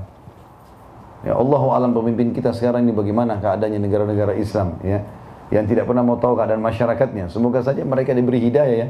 Kalau ada yang meluangkan waktu, Alhamdulillah. Kan ini tanggung jawab semuanya kan. Berapa banyak orang yang kelaparan. Umar tiga hari nggak keluar sudah ada orang kelaparan. Dan orang ini sudah langsung memfonis Umar tidak adil. Dia tidak tahu kalau ini Umar. Kata Umar kenapa? Dia bilang saya tiga hari nggak makan. Lalu apa yang kau masak? Diangkat pancinya, batu. Batu dimasak dengan air. Kenapa kau masak batu, hai ibu? Dia bilang supaya anak-anak saya mengira saya masak. Enggak ada makanan. Mau ambil makanan dari mana? Maka dengan seperti itu mereka hanya kelapa, kecap, kecapean, nangis, tidur. Itu yang saya lakukan selama tiga hari. Maka Umar bilang, baik, tunggulah sebentar. Umar tidak pakai tunggu, langsung ke Baitil Mal. Ngambil gandum, ngambil segala macam kebutuhan, dipikul sama Umar. Ada satu sahabat, lagi lewat, lihat, ya Amir Mukminin, wahai pemimpin orang beriman, raja maksudnya. Julukannya Amir Mukminin waktu itu. Wahai Amir Mukminin, pemimpin orang-orang beriman, raja. Apa yang anda pikul ini? Mau ke mana? Kata dia ada yang saya pikul, makanan, gandum. Kata dia baik, biarkan saya bawa. Kata dia apa? Apa kau ingin memikul dosaku hari kiamat? Tidak usah ikut-ikutan. Ini tanggung jawabku ini. Orang ini penasaran diikuti dia. Ini Umar mau ke mana? Umar jalan sampai pinggir kota Madinah, tengah malam ini. Ini bukan waktu duhur. Kalau kita kan sekarang siang-siang tunggu mana kamera baru bisa ya, diambil gambarnya. Ini tengah malam sendirian. Saya tidak singgung siapa pun ya. Alhamdulillah tidak ada penyebutan nama. Kalau ada yang merasa bagus lah. Tapi yang jelas Umar ini tengah malam. Bawa pikul sendiri. Mau dibantu pun sama pegawainya, temannya? Enggak. Kau mau, mau, mau, mau tanggung jawab, mau beban dosa, mau apa, mau nanggung dosaku hari kiamat, diikutin sampai tiba di sana. Umar nggak pakai banyak ngomong, pancinya diambil, dibersihin, dimasakin sama Umar dengan tangannya sendiri. Sampai selesai masakannya sudah, dimakankan ibu itu, dikasih anak-anaknya, sisanya gandum satu karung dikasih. Kata ibu itu, kalau seandainya Umar seperti kamu, nggak ada orang yang kelaparan. Maka orang yang sedang sama Umar datang, Hai ibu, tahu siapa orang ini? Enggak, saya nggak tahu. Itu Amir Mukminin Umar. Gitu kan, langsung dia pun minta maaf, maaf bukan saya Amir Mukminin, saya tidak tahu, saya sudah dengar keadilan anda segala macam. Kata Umar sudah nggak masalah. Itu Allah sedang memperingatkan saya dari lisan kamu. Tapi tengah malam mau ngurus orang ini nggak gampang, gitu kan? Sampai pernah di zaman khilafahnya Umar, di siang bolong, lagi panas. Madinah kalau lagi panas 55 derajat, panas sekali. Ya, sampai bibir pecah-pecah, telapak kaki kita pecah karena panasnya biasa ya. Kami pernah hidup tujuh tahun di sana. Uthman dan Ali radhiyallahu anhu dua anak mantu Nabi SAW di zaman kerajaan Umar pernah siang hari lagi makan siang sama-sama. Waktu mereka mau bubar dari makan siang, gitu kan? lewat lagi panas, saking panasnya mereka tutup wajah mereka dengan imamahnya, sisa imamahnya gitu kan. Lalu mereka lihat dari jauh ada orang yang sedang ngumpul-ngumpulin, tarik-tarikin unta yang sedang lepas, kambing yang sedang lepas. Sampai di tangan kiri kanannya banyak. Kata Utsman kepada Ali, siapa orang siang-siang bolong begini mau ngurus-ngurusin ini nih? Unta-unta dan ini kelihatannya bukan unta dia karena unta-unta yang lepas dipegangin sama dia, ditarik kambing, dikumpulin banyak. Sampai banyak di tangan dia talinya semua. Kata Ali, saya juga tidak tahu. Ayo kita lihat, mungkin kita bisa bantu. Begitu mereka dekat, mereka lihat Umar radhiyallahu anhu. Umar gak tidur siang, gak apa, ngurusin unta-untanya sama kambingnya masyarakatnya yang lepas dikembalikan ke rumah masing-masing. Siang hari bolong gitu kan. Dan sekian banyak kisah yang luar biasa berhubungan dengan Umar radhiyallahu anhu ini. Luar biasa gitu ya. Tentu kalau kita mau kisahkan panjang dan Bapak Ibu bisa kembali ada ceramah kami di YouTube dari 700 judul ceramah itu ada serial sahabat. Kisah Abu Bakar itu saya tablik akbar 4 jam di Jakarta. Umar juga begitu, 4 jam atau 5 jam. Banyak kisah-kisah kita sampaikan berhubungan dengan sahabat-sahabat mulia ini. Ini kita ambil contoh-contohnya saja. Kita pindah ke Uthman bin Affan, Khalifah Rashidah yang ketiga, radhiyallahu anhum. Uthman ini adalah sahabat Nabi yang pemalu sekali. Pemalu sekali Bapak Ibu sekalian. Saking malunya kata sebagian ahli sejarah Islam dinukil asar dari tentang beliau, beliau saking malunya sampai nggak pernah lihat kemaluannya sendiri. Saking malunya sama Allah. Satu waktu Nabi SAW lagi duduk di sebuah kebun kurma Salah satu tradisi Nabi SAW kalau musim dingin, beliau suka berendam kakinya dengan air panas. Kalau musim panas, beliau rendam dengan air dingin. Waktu itu kebetulan lagi musim panas, Nabi SAW duduk di sebuah kebun, ada genangan air, beliau rendam kakinya. Sambil gulung gamis beliau sampai di atas lutut. Maka ada satu sahabat namanya Abu Musa al-Ash'ari berkata, Ya Rasulullah, saya mau jadi penjaga kebun anda ini, supaya nggak boleh sembarangan orang masuk. Kata Nabi SAW, jagalah. Dijaga. Lewat Abu Bakar. Abu Bakar mengatakan, apakah Rasulullah di dalam hai Abu Musa? Kata Abu Musa, iya. Baik, izinkan saya masuk. Kata dia, sebentar, saya tanya dulu Rasulullah SAW. Rasulullah izinkan, saya izinkan kamu masuk. Kalau tidak, nggak boleh. Maka Abu Musa pun masuk, mengatakan, ya Rasulullah, Abu Bakar minta izin. Kata Nabi SAW, izinkan dia masuk. Dan sampaikan kalau dia termasuk ahli surga. Jaminan. Maka masuklah Abu Bakar di kebun itu. Duduk di sebelah kanannya Nabi Muhammad SAW. Dia lihat Nabi gulung gamisnya sampai lutut, Abu Bakar juga ikut. Gulung sampai lutut, rendam juga kakinya di situ. Gak lama kemudian Umar datang. Abu Musa, apakah Rasulullah di dalam? SAW kata dia, iya. Baik izinkan saya masuk. Kata Abu Musa sebentar, saya tanya Nabi dulu. Kalau Nabi SAW izinkan baru kau boleh masuk. Maka masuk Abu Musa mengatakan, ya Rasulullah, Umar datang minta izin. Kata Nabi SAW, izinkan dia masuk dan sampaikan dia termasuk ahli surga dan dia akan mati syahid. Jadi memang Umar bin Khattab kan waktu mau meninggal ditusuk oleh Abu Lu'lu ya. Lagi sholat ditusuk sampai meninggal gara-gara itu mati syahid. Maka Umar pun masuk duduk di sebelah kiri Nabi SAW. Dia lihat Abu Bakar, Nabi sama Abu Bakar lagi gulung gamis sampai lutut, dia juga ikut. Umar ikut sambil berendam kaki di situ. Datanglah Utsman bin Affan. Tanya, ini secara kebetulan dengan hikmah Allah begitu terjadi. Jadi mereka biasa tiap hari cari di mana Rasulullah mereka ngumpul gitu. Hai Abu Musa, apakah Rasulullah di dalam? Kata Abu Musa, iya. Izinkan saya masuk sebentar. Saya tanya Nabi dulu. Tanya ya Rasulullah. Uthman bin Affan minta izin. Kata Nabi SAW, izinkan dia masuk dan dia akan diuji di akhir hidupnya serta dia akan mati syahid. Jadi di akhir hidupnya Uthman bin Affan banyak fitnah. Ya, dikatakan dia nepotisme lah, dia apalah segala macam fitnah yang tidak benar sampai akhirnya terbunuh ya di tangan kaum khawarij orang-orang yang membenci kekuasaan beliau akhirnya meninggal dunia gitu kan kata Nabi SAW e, eh, izinkan dia masuk sampaikan dia termasuk ahli surga tapi diikuti dengan cobaan sebelum dia meninggal di akhir hidupnya dan dia akan mati syahid lalu kemudian masuklah Uthman bin Affan waktu masuk waktu Uthman bin Affan masuk di kebun itu tiba-tiba Nabi SAW turunkan gamisnya lutut lututnya ditutup. Ini. Abu Bakar sama Umar tanya, ya Rasulullah, tadi waktu kami masuk, anda nggak tutup lutut anda, kenapa waktu Uthman masuk anda tutup? Kata Nabi SAW, ala astahi min rajulin istaha minhul malaika. Tidakkah aku malu sama laki-laki yang malaikat aja malu dengan dia? Jadi Uthman bin Affan ini luar biasa, malaikat malu dengan dia.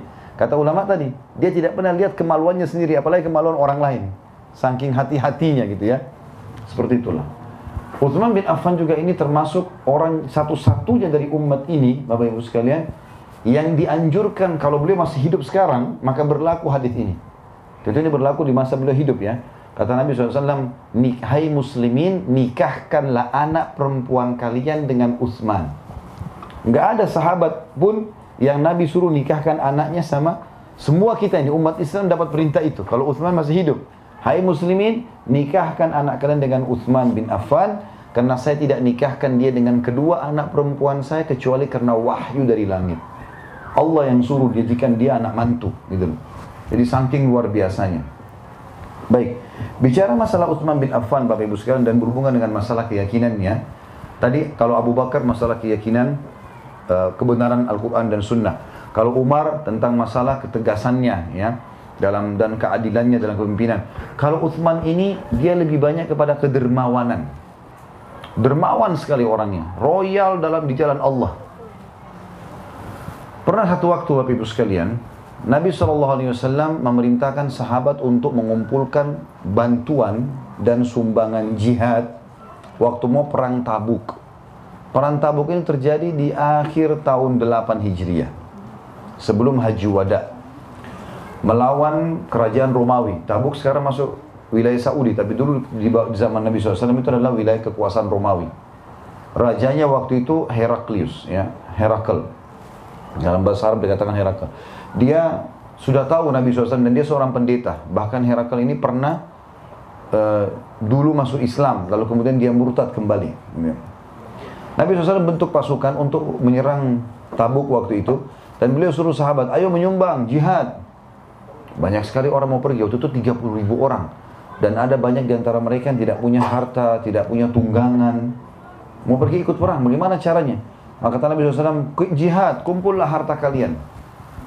Datanglah Uthman bin Affan lalu berkata, Ya Rasulullah, saya akan menyumbang 100 ekor unta, eh, 100 ekor kuda, lengkap dengan semua perlengkapannya. Baju perangnya, topi besinya, pedangnya, perisainya, makanannya, dan kudanya juga kuda-kuda perang. Mujahidnya tinggal naik. Kalau kita sekarang satu tank, siap semua dengan peralatan-peralatannya saya sumbang 100 ekor kuda, lengkap dengan semuanya. Kata Nabi SAW, bagus yang kau lakukan, hai Uthman. Lalu kata Nabi SAW, siapa lagi yang mau menyumbang? Uthman pikir tadi sudah cukup, ternyata masih kurang. Kata Nabi SAW, kata Uthman bin Affan, Ya Rasulullah, saya nyumbang lagi 100 ekor kuda. Lengkap dengan perlengkapannya, sudah 200. Kata Nabi SAW, bagus yang kamu lakukan, hai Uthman. Siapa lagi yang mau menyumbang? Uthman ini, saking luar cintanya dengan sodakah, Sampai begitu dia dengar, siapa lagi mau nyumbang? Dia nggak biarkan sahabat nyebut. Saya Rasulullah, kalau gitu 300 ekor unta. 100 ekor lagi saya kasih. Lengkap dengan semuanya. 100 ekor kuda ini nggak gampang ya. Mungkin teman-teman di sini kalau pernah beli kuda tahu nilainya itu mahal sekali. Apalagi kalau kuda yang biasa dilatih, yang sudah dilatih, berperang atau untuk tanding, itu miliaran harganya. Mahal sekali gitu kan. Ini 100 ekor dikasih cuma-cuma, mujahid boleh pakai pulang pun perang menang untuk mereka sudah. Cuma-cuma. Kata Nabi SAW, bagus yang kamu lakukan Utsman. Siapa lagi mau menyumbang? Nabi terus masih tanya, Ya Rasulullah, saya sumbang lagi 100. Udah 400. Terus sampai sudah 9 kali. Udah 900 ekor nih. Lalu kata Nabi SAW, siapa lagi yang mau menyumbang? Kata Uthman, ya Rasulullah. Kuda saya tinggal 90. Dan lagi nih, tinggal ini saja saya akan genapkan dengan 10 ekor unta biar jadi 1000. Kata Nabi SAW, bagus, sumbanglah. Sumbang. Kata Nabi SAW setelah itu, tidak ada yang bisa menghalangi Uthman masuk ke surga setelah apa yang dia lakukan pada hari ini. Lalu Nabi bilang, waktu itu kebetulan Mujahid pada mau pergi nih, kan butuh air, isi kendi-kendi. Ada satu sumur punyanya orang Yahudi.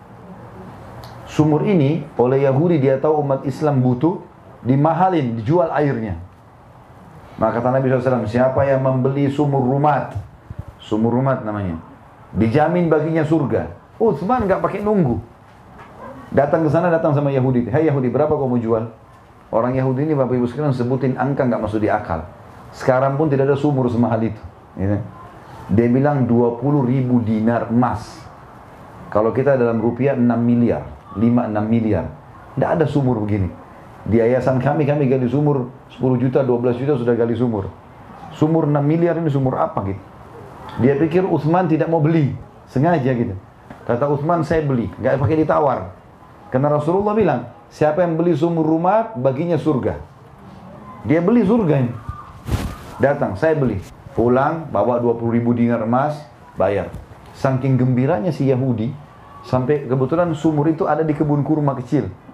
Kata dia, hai Utsman ambil semua sama kebun-kebunnya. Karena 20 ribu dinar emas bisa beli 20 sumur, apa 20 kebun kurma seperti itu. Ini. Kasihlah. Utsman bin Affan itu masih haus teman-teman dan tidak ada sumber air kecuali dari sumur zaman itu. Maka Utsman tidak minum seteguk air pun kecuali dia sudah mengatakan hai muslimin ini wakaf buat kalian. Silakan minum. Dan saking ikhlasnya Utsman bin Affan Bapak Ibu sekalian sampai hari ini sumur itu masih ada. Ingat kata-kata saya kalau Bapak Ibu lagi ke Madinah, umroh atau haji, minta mutawifnya bilang, bisa nggak saya mau datangi sumurnya Uthman bin Affan? Masih ada sampai sekarang. Sumur itu subhanallah tidak ada sumur berumur sampai 1400 tahun masih bersih airnya. Di muka bumi ini tidak ada. itu satu-satunya. Karena ikhlasnya sampai Allah berkahi. Bukan cuma itu. Ada kejadian unik di sini Bapak Ibu sekalian. Hari ini, di hari ini, Uthman bin Affan punya rekening di salah satu bank syariah di Saudi. Uthman bin Affan, kira-kira di dalam kehidupannya Bapak Ibu, bisa nggak orang orang mati punya rekening?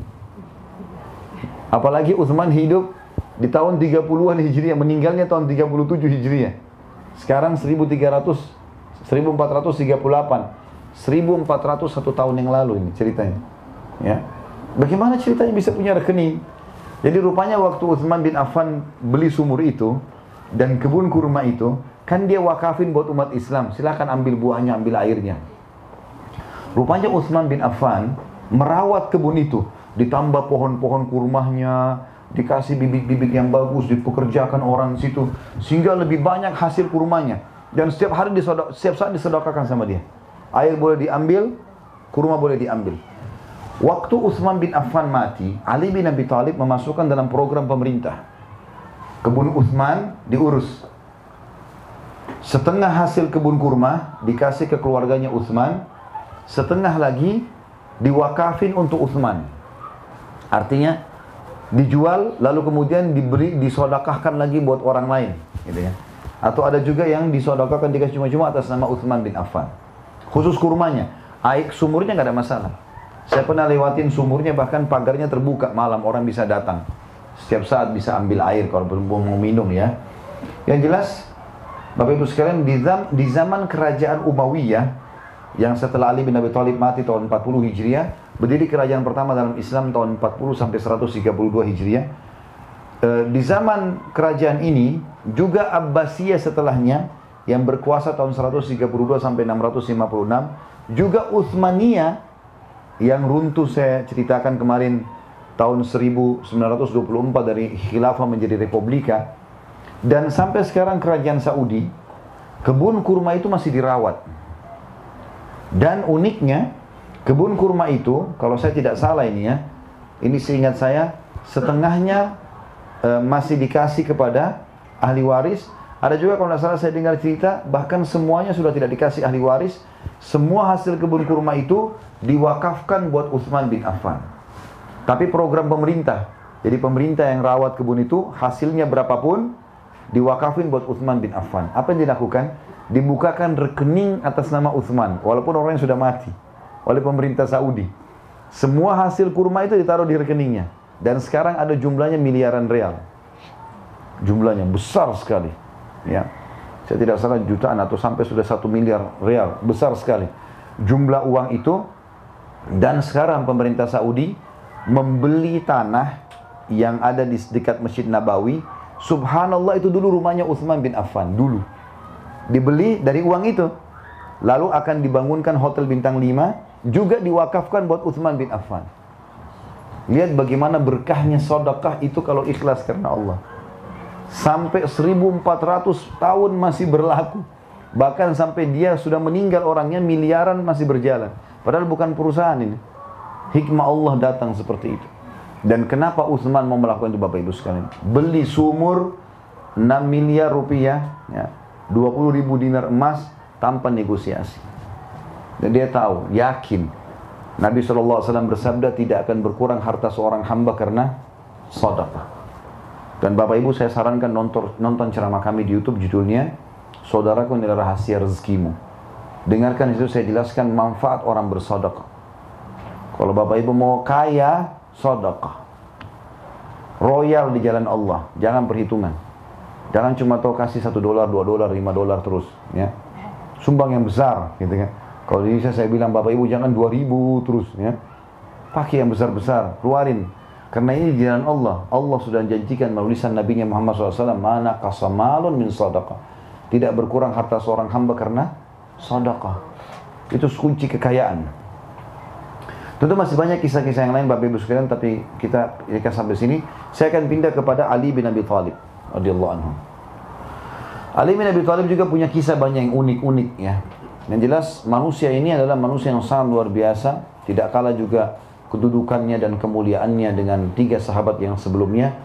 Apalagi dia adalah sepupu Nabi Muhammad alaihi salatu wassalam dari Alil Bait ya, yang sangat mulia. Ali bin Abi Thalib dapat predikat dari Nabi SAW di perang Khaybar orang yang mencintai Allah dan Rasulnya dan Allah dan Rasulnya juga mencintainya.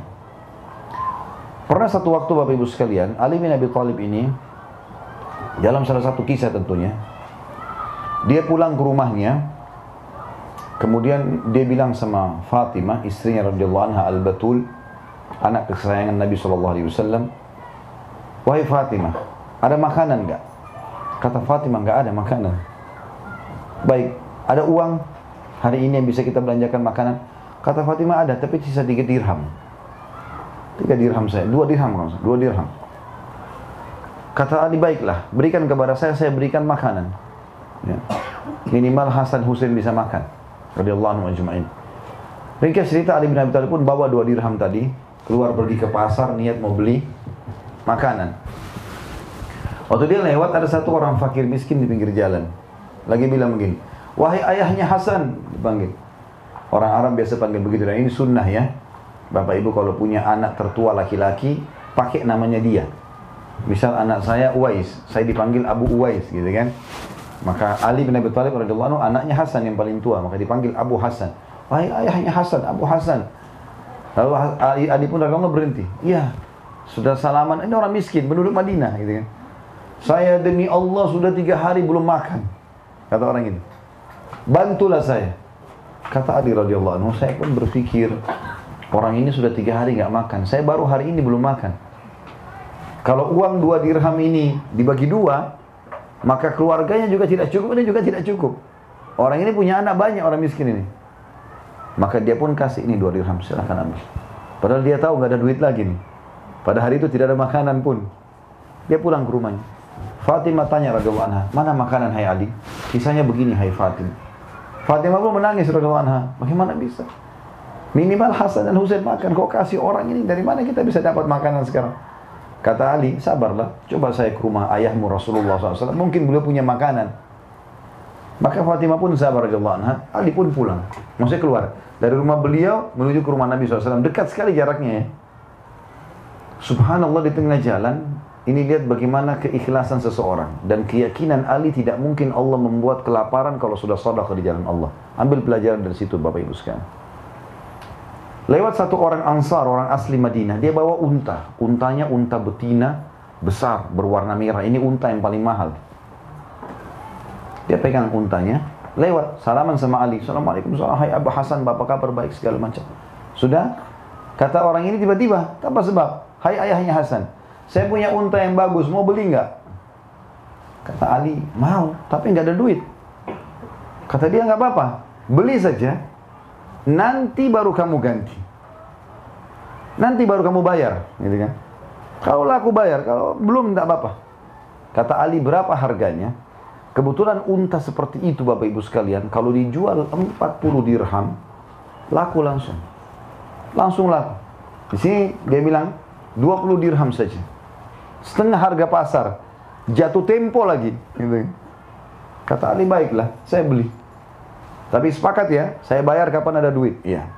Pergilah orang itu, Ali bawa unta itu. Tetap mau ke rumah Nabi Sallallahu Alaihi Wasallam, karena unta ini juga harus masih utang, belum boleh belum belum disembeli sama dia kan gitu. Baru jalan berapa langkah, orang yang punya unta pertama masih belum hilang bayangannya. Ada orang lewat, orang Ansar juga asli Madinah juga kenal pemilik unta ini.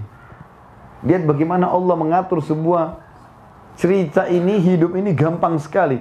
Ketemu sama orang ini, Assalamualaikum, ya Hasan apa kabar baik? Untamu bagus ya? Oh ya, ini orang yang nanya, ini tahu pemilik unta yang pertama ya. untamu bagus ya, mau jual nggak? Mau. Berapa kau mau jual? Kata Ali 40 dirham. Karena harga pasaran 40 dirham. Subhanallah orang itu nggak nawar nggak apa. Langsung kasih 40 dirham. Ini cash. Ali bin Abi Thalib ambil, kejar orang yang pemilik pertama unta, bayar 20 dirham. Dapat 20 dirham cash. Sedekah 2 dirham, dapat 10 kali lipat. Maka dengan itu, Ali bin Abi Thalib bisa beli makanan buat keluarganya sebulan. Keyakinan. Yakin tentang apa yang Allah perintahkan benar. Bapak Ibu kalau Allah halalkan baik buat kesehatan, buat segala macam, nikmati. Allah haramkan buruk, jangan diganggu. Sudah tidak usah coba-coba. Oh ini babi haram, tapi saya mau tahu dagingnya. Nggak perlu coba. Ada sapi, ada kambing, ada ayam, ada ikan. Nggak usah makan itu haram. Karena yang haram itu sedikit kan gitu. Hammer, nggak boleh minum hammer. Allah ganti susu, madu, sirup, air putih, banyak. Gitu. Nggak boleh zina, boleh nikah, kan gitu. Hamil di sini malu, hamil di sana gembira, kan gitu. Jadi Allah kasih solusi kan gitu. Bukan tidak ada tidak ada solusinya. Jadi yang haram itu sedikit sebenarnya. Untuk apa terjerumus di situ? Ali bin Abi Thalib punya kisah yang lain, Ibu sekarang di zaman khilafahnya. Waktu jadi raja radhiyallahu anhu. Saya sangat tertarik dengan kisah ini karena saya lihat luar biasa untuk menambah keimanan. Ali radhiyallahu anhu pernah satu waktu kehilangan baju perang. Cari baju perangnya gak ada. Sudah berapa hari dicari gak ketemu. Dia lewat, ini waktu itu tinggal di Kufa ya. Karena Ali radhiyallahu anhu di akhir hidupnya pindah ke Kufa. Ibu kota dari Madinah pindah ke Irak. Waktu dia lagi jalan-jalan di pemukiman masyarakat Kufa, rupanya ada orang Yahudi di situ. Dia lewat depan rumah orang Yahudi ini ada baju perangnya dia. Lagi dijemur. Ali tahu betul radhiyallahu anhu ini baju perangnya. Tapi dia tidak ambil langsung. Lihat bagaimana seorang muslim bermuamalah. Dia ketuk pintunya Yahudi itu sambil dia berkata, Hai Yahudi, saya mau nanya. Kata dia, iya. Itu baju perang di depan punya siapa? Kata si Yahudi, punya saya. Jelas-jelas di rumah saya, punya saya, hai Amir Mukminin. Waktu itu Ali raja loh ya. Raja. Ini raja muslim lagi bicara sama masyarakat biasa kafir lagi. Maka kata Ali, tapi itu baju perang saya. Buktinya satu, dua, tiga, empat, lima. Ada tanda sini, ada tanda sana. Ada, ada tahu. Kata dia Amir Mu'minin sudah saya jawab. Baju perang ini di rumah saya berarti punya saya. Apa kata Ali? Ada tiga kejadian Bapak Ibu sekalian yang membuat Yahudi ini syahadat. Masuk Islam gara-gara tiga kejadian ini. Yang pertama, Ali bilang, baiklah kalau gitu. Kita ke pengadilan aja. Padahal Ali itu raja. Dia bisa rampas saja selesai. Apalagi Yahudi bagi dia nggak perlu gitu. Tapi Islam tidak mengajarkan itu. Kata Yahudi ini saya heran, rajanya Muslim ini ngajak saya ke pengadilan. Saya ini masyarakat biasa. Bahkan selama ini belum pernah bicara sama Ali. Dan di, di tengah jalan lagi menuju ke pengadilan, dia bilang, Ali bin Abi Thalib berbicara dengan saya tanya tentang istri, anak. Nggak ada rasa benci atau apa, enggak. Ya sudah nanti pengadilan yang putusin. Seperti itulah. Kata Yahudi ini, saya kagum lihat ini. Ini kejadian pertama yang sudah membuat dia kagum nih. Kok bisa Raja Muslim, kalau ini Raja Yahudi mungkin sudah main rampas aja nih. Masih ngajak ke pengadilan, di tengah jalan pun tidak bicara masalah produk itu. Bicaranya masalah anak, istri, bagaimana anak kamu, istri kamu. Karena dia raja, dia mau tahu adil nggak sama anak masyarakat ini. Dia bilang kejadian kedua yang membuat saya kagum adalah, dan ini sebab dia masuk Islam, waktu masuk ke pengadilan. Waktu masuk ke pengadilan. Begitu masuk ke pengadilan dia bilang, jadi orang lagi pada duduk semua nunggu majelis hakim. Hakimnya lagi memutuskan dua orang maju, dua orang maju gitu kan. Dia bilang Ali bin Abi Thalib ini memberikan salam untuk umat Islam di dalam pengadilan. Uniknya mereka semua jawab, jawab salam tapi tidak ada yang berdiri. Gak ada yang berdiri, dia teraja datang, salaman. Mungkin kalau kita gitu presiden datang, mungkin kita berdiri. Ini nggak ada yang berdiri, nggak ada yang apa. Dan si hakim pun Ya, waktu itu Shuraih namanya Al-Qadhi yang terkenal dengan keadilannya. Dia mengatakan, silakan wahai Amir Mukminin. Tahu maksudnya silakan apa? Silakan antri ke belakang. Kata si Yahudi ini, ini raja mereka. Salam tidak ada yang berdiri, sambut dia apa biasa saja. Bahkan hakim yang digaji dan ditunjuk oleh Ali suruh silakan Amir Mukminin, suruh antri di belakang. Tanda tanya ini sama Yahudi dan tanya, kalau kita orang Islam tidak usah tanda tanya karena Ali bin Abi Thalib radhiyallahu karena keadilannya Sampai dikatakan dalam kisah beliau hampir tiap hari kelihatan di jalan dan di pasar. Sudah biasa di bin Abi Thalib masuk pasar, ngangkatin barangnya masyarakatnya ke atas unta. Sudah biasa jenguk orang sakit, sudah biasa pikul jenazah. Raja. Luar biasa gitu. Ya. Jadi makanya masyarakatnya tidak menganggap ini sebuah istimewa, biasa saja. Bukan, sudah tiap hari ketemu. Mau ketemu Ali bukan pakai perantara-perantara segala macam, sudah nggak perlu. Kata Yahudi ini yang kedua ini, sebab dia masuk Islam. Dia sudah kagum-kagum nih. Kok bisa begini?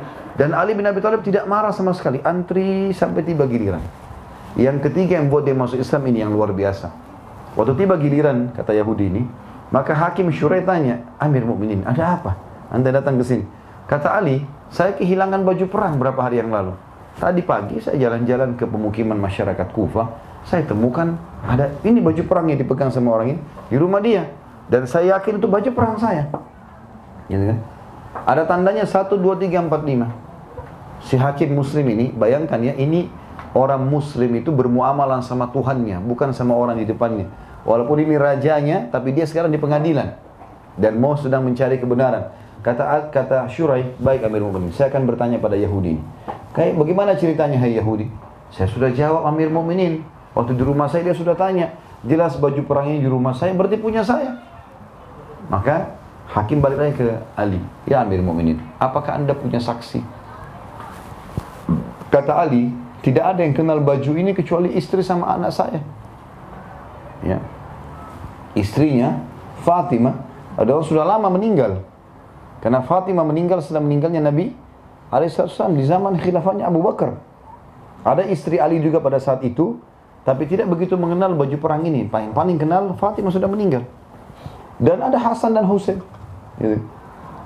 Kata hakimnya, ya Amir Mu'minin, Anda tahu dalam Islam dalam hukum agama kita tidak boleh anak menjadi saksi buat orang tua dan tidak boleh orang tua jadi saksi buat anak. Kenapa sih saling bela? Berarti kesaksian Hasan Hussein sudah tertutup. Ada yang lain? Kata Ali tidak ada. Kata si Yahudi ini sebab dia masuk Islam. Dia bilang apa? Saya kaget tiba-tiba hakimnya berkata, "Ya Amir Mukminin, kalau begitu saya putuskan baju perang ini punya Yahudi." Dan lebih unik lagi, Ali bin apa? Baiklah kalau begitu. Sudah, sudah selesai. Hakim Abu sudah, nggak ada saksi, nggak ada apa, sudah nggak usah.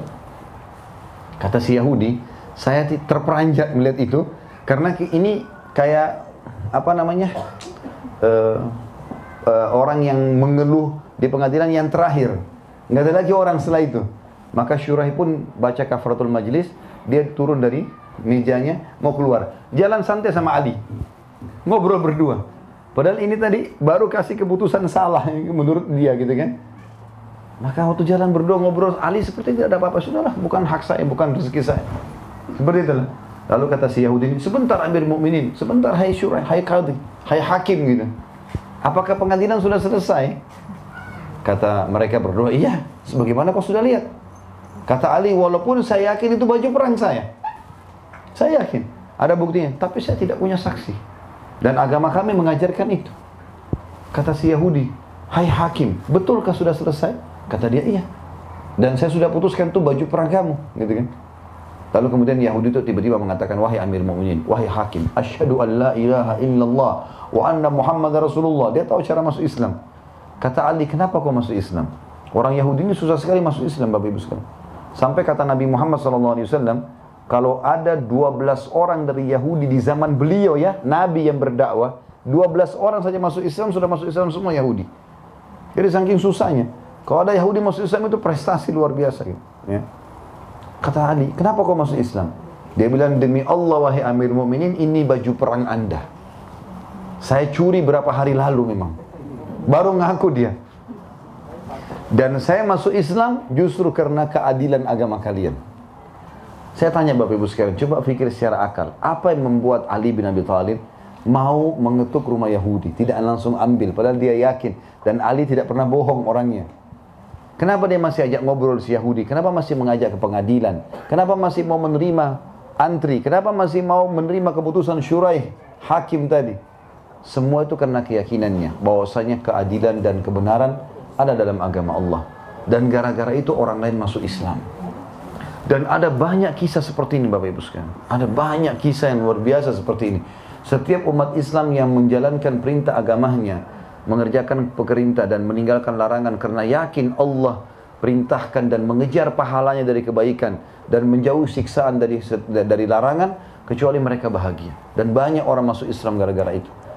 Izinkan saya tutup dengan kisah seorang pedagang muslim. Ini saya sisipkan saya sebenarnya tadi empat itu kisah intinya ya. Ada pernah pedagang muslim di Irak. Ini juga menjadi penyebab orang Yahudi masuk Islam.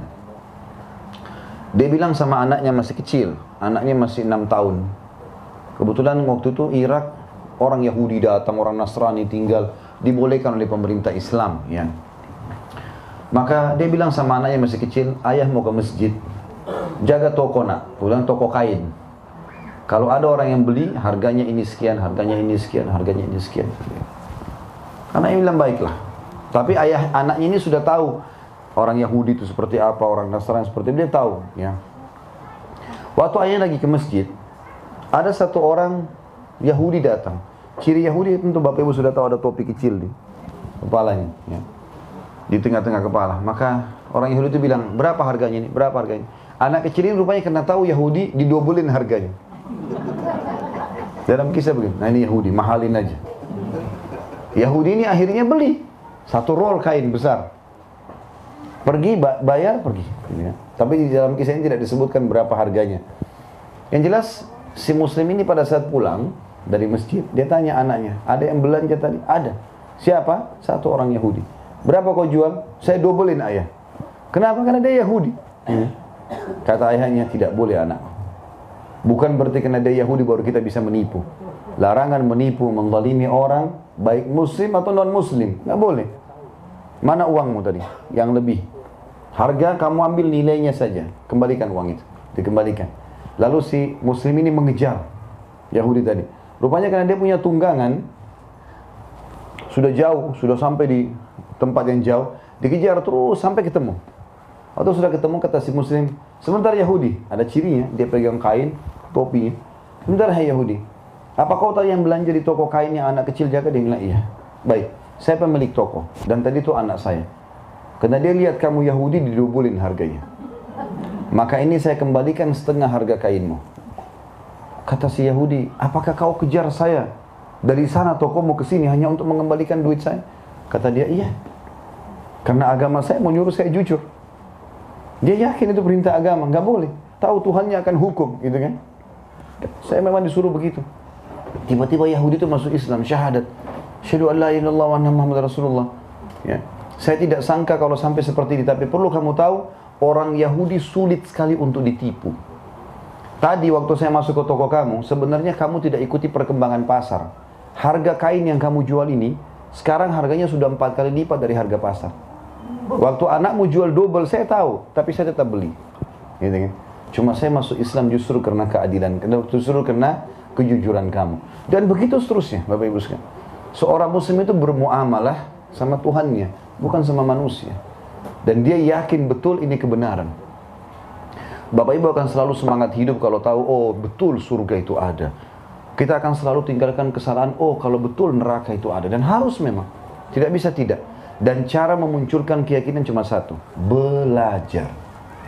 Majelis ilmu. Gak bisa enggak. Bapak Ibu belajar, baca, gitu kan. Maka akan muncul keyakinan dan keyakinan kalau sudah ada membuat kita punya prinsip hidup dan akhirnya kita akan menjalankan agama ini. Jadi tidak boleh bimbang. Allahu a'lam. Begitu saja. Terima kasih waktunya dan kepercayaannya. Subhanakallahumma bihamdika asyhadu an la ilaha illa anta astaghfiruka wa atubu ilaik. Wassalamualaikum warahmatullahi wabarakatuh.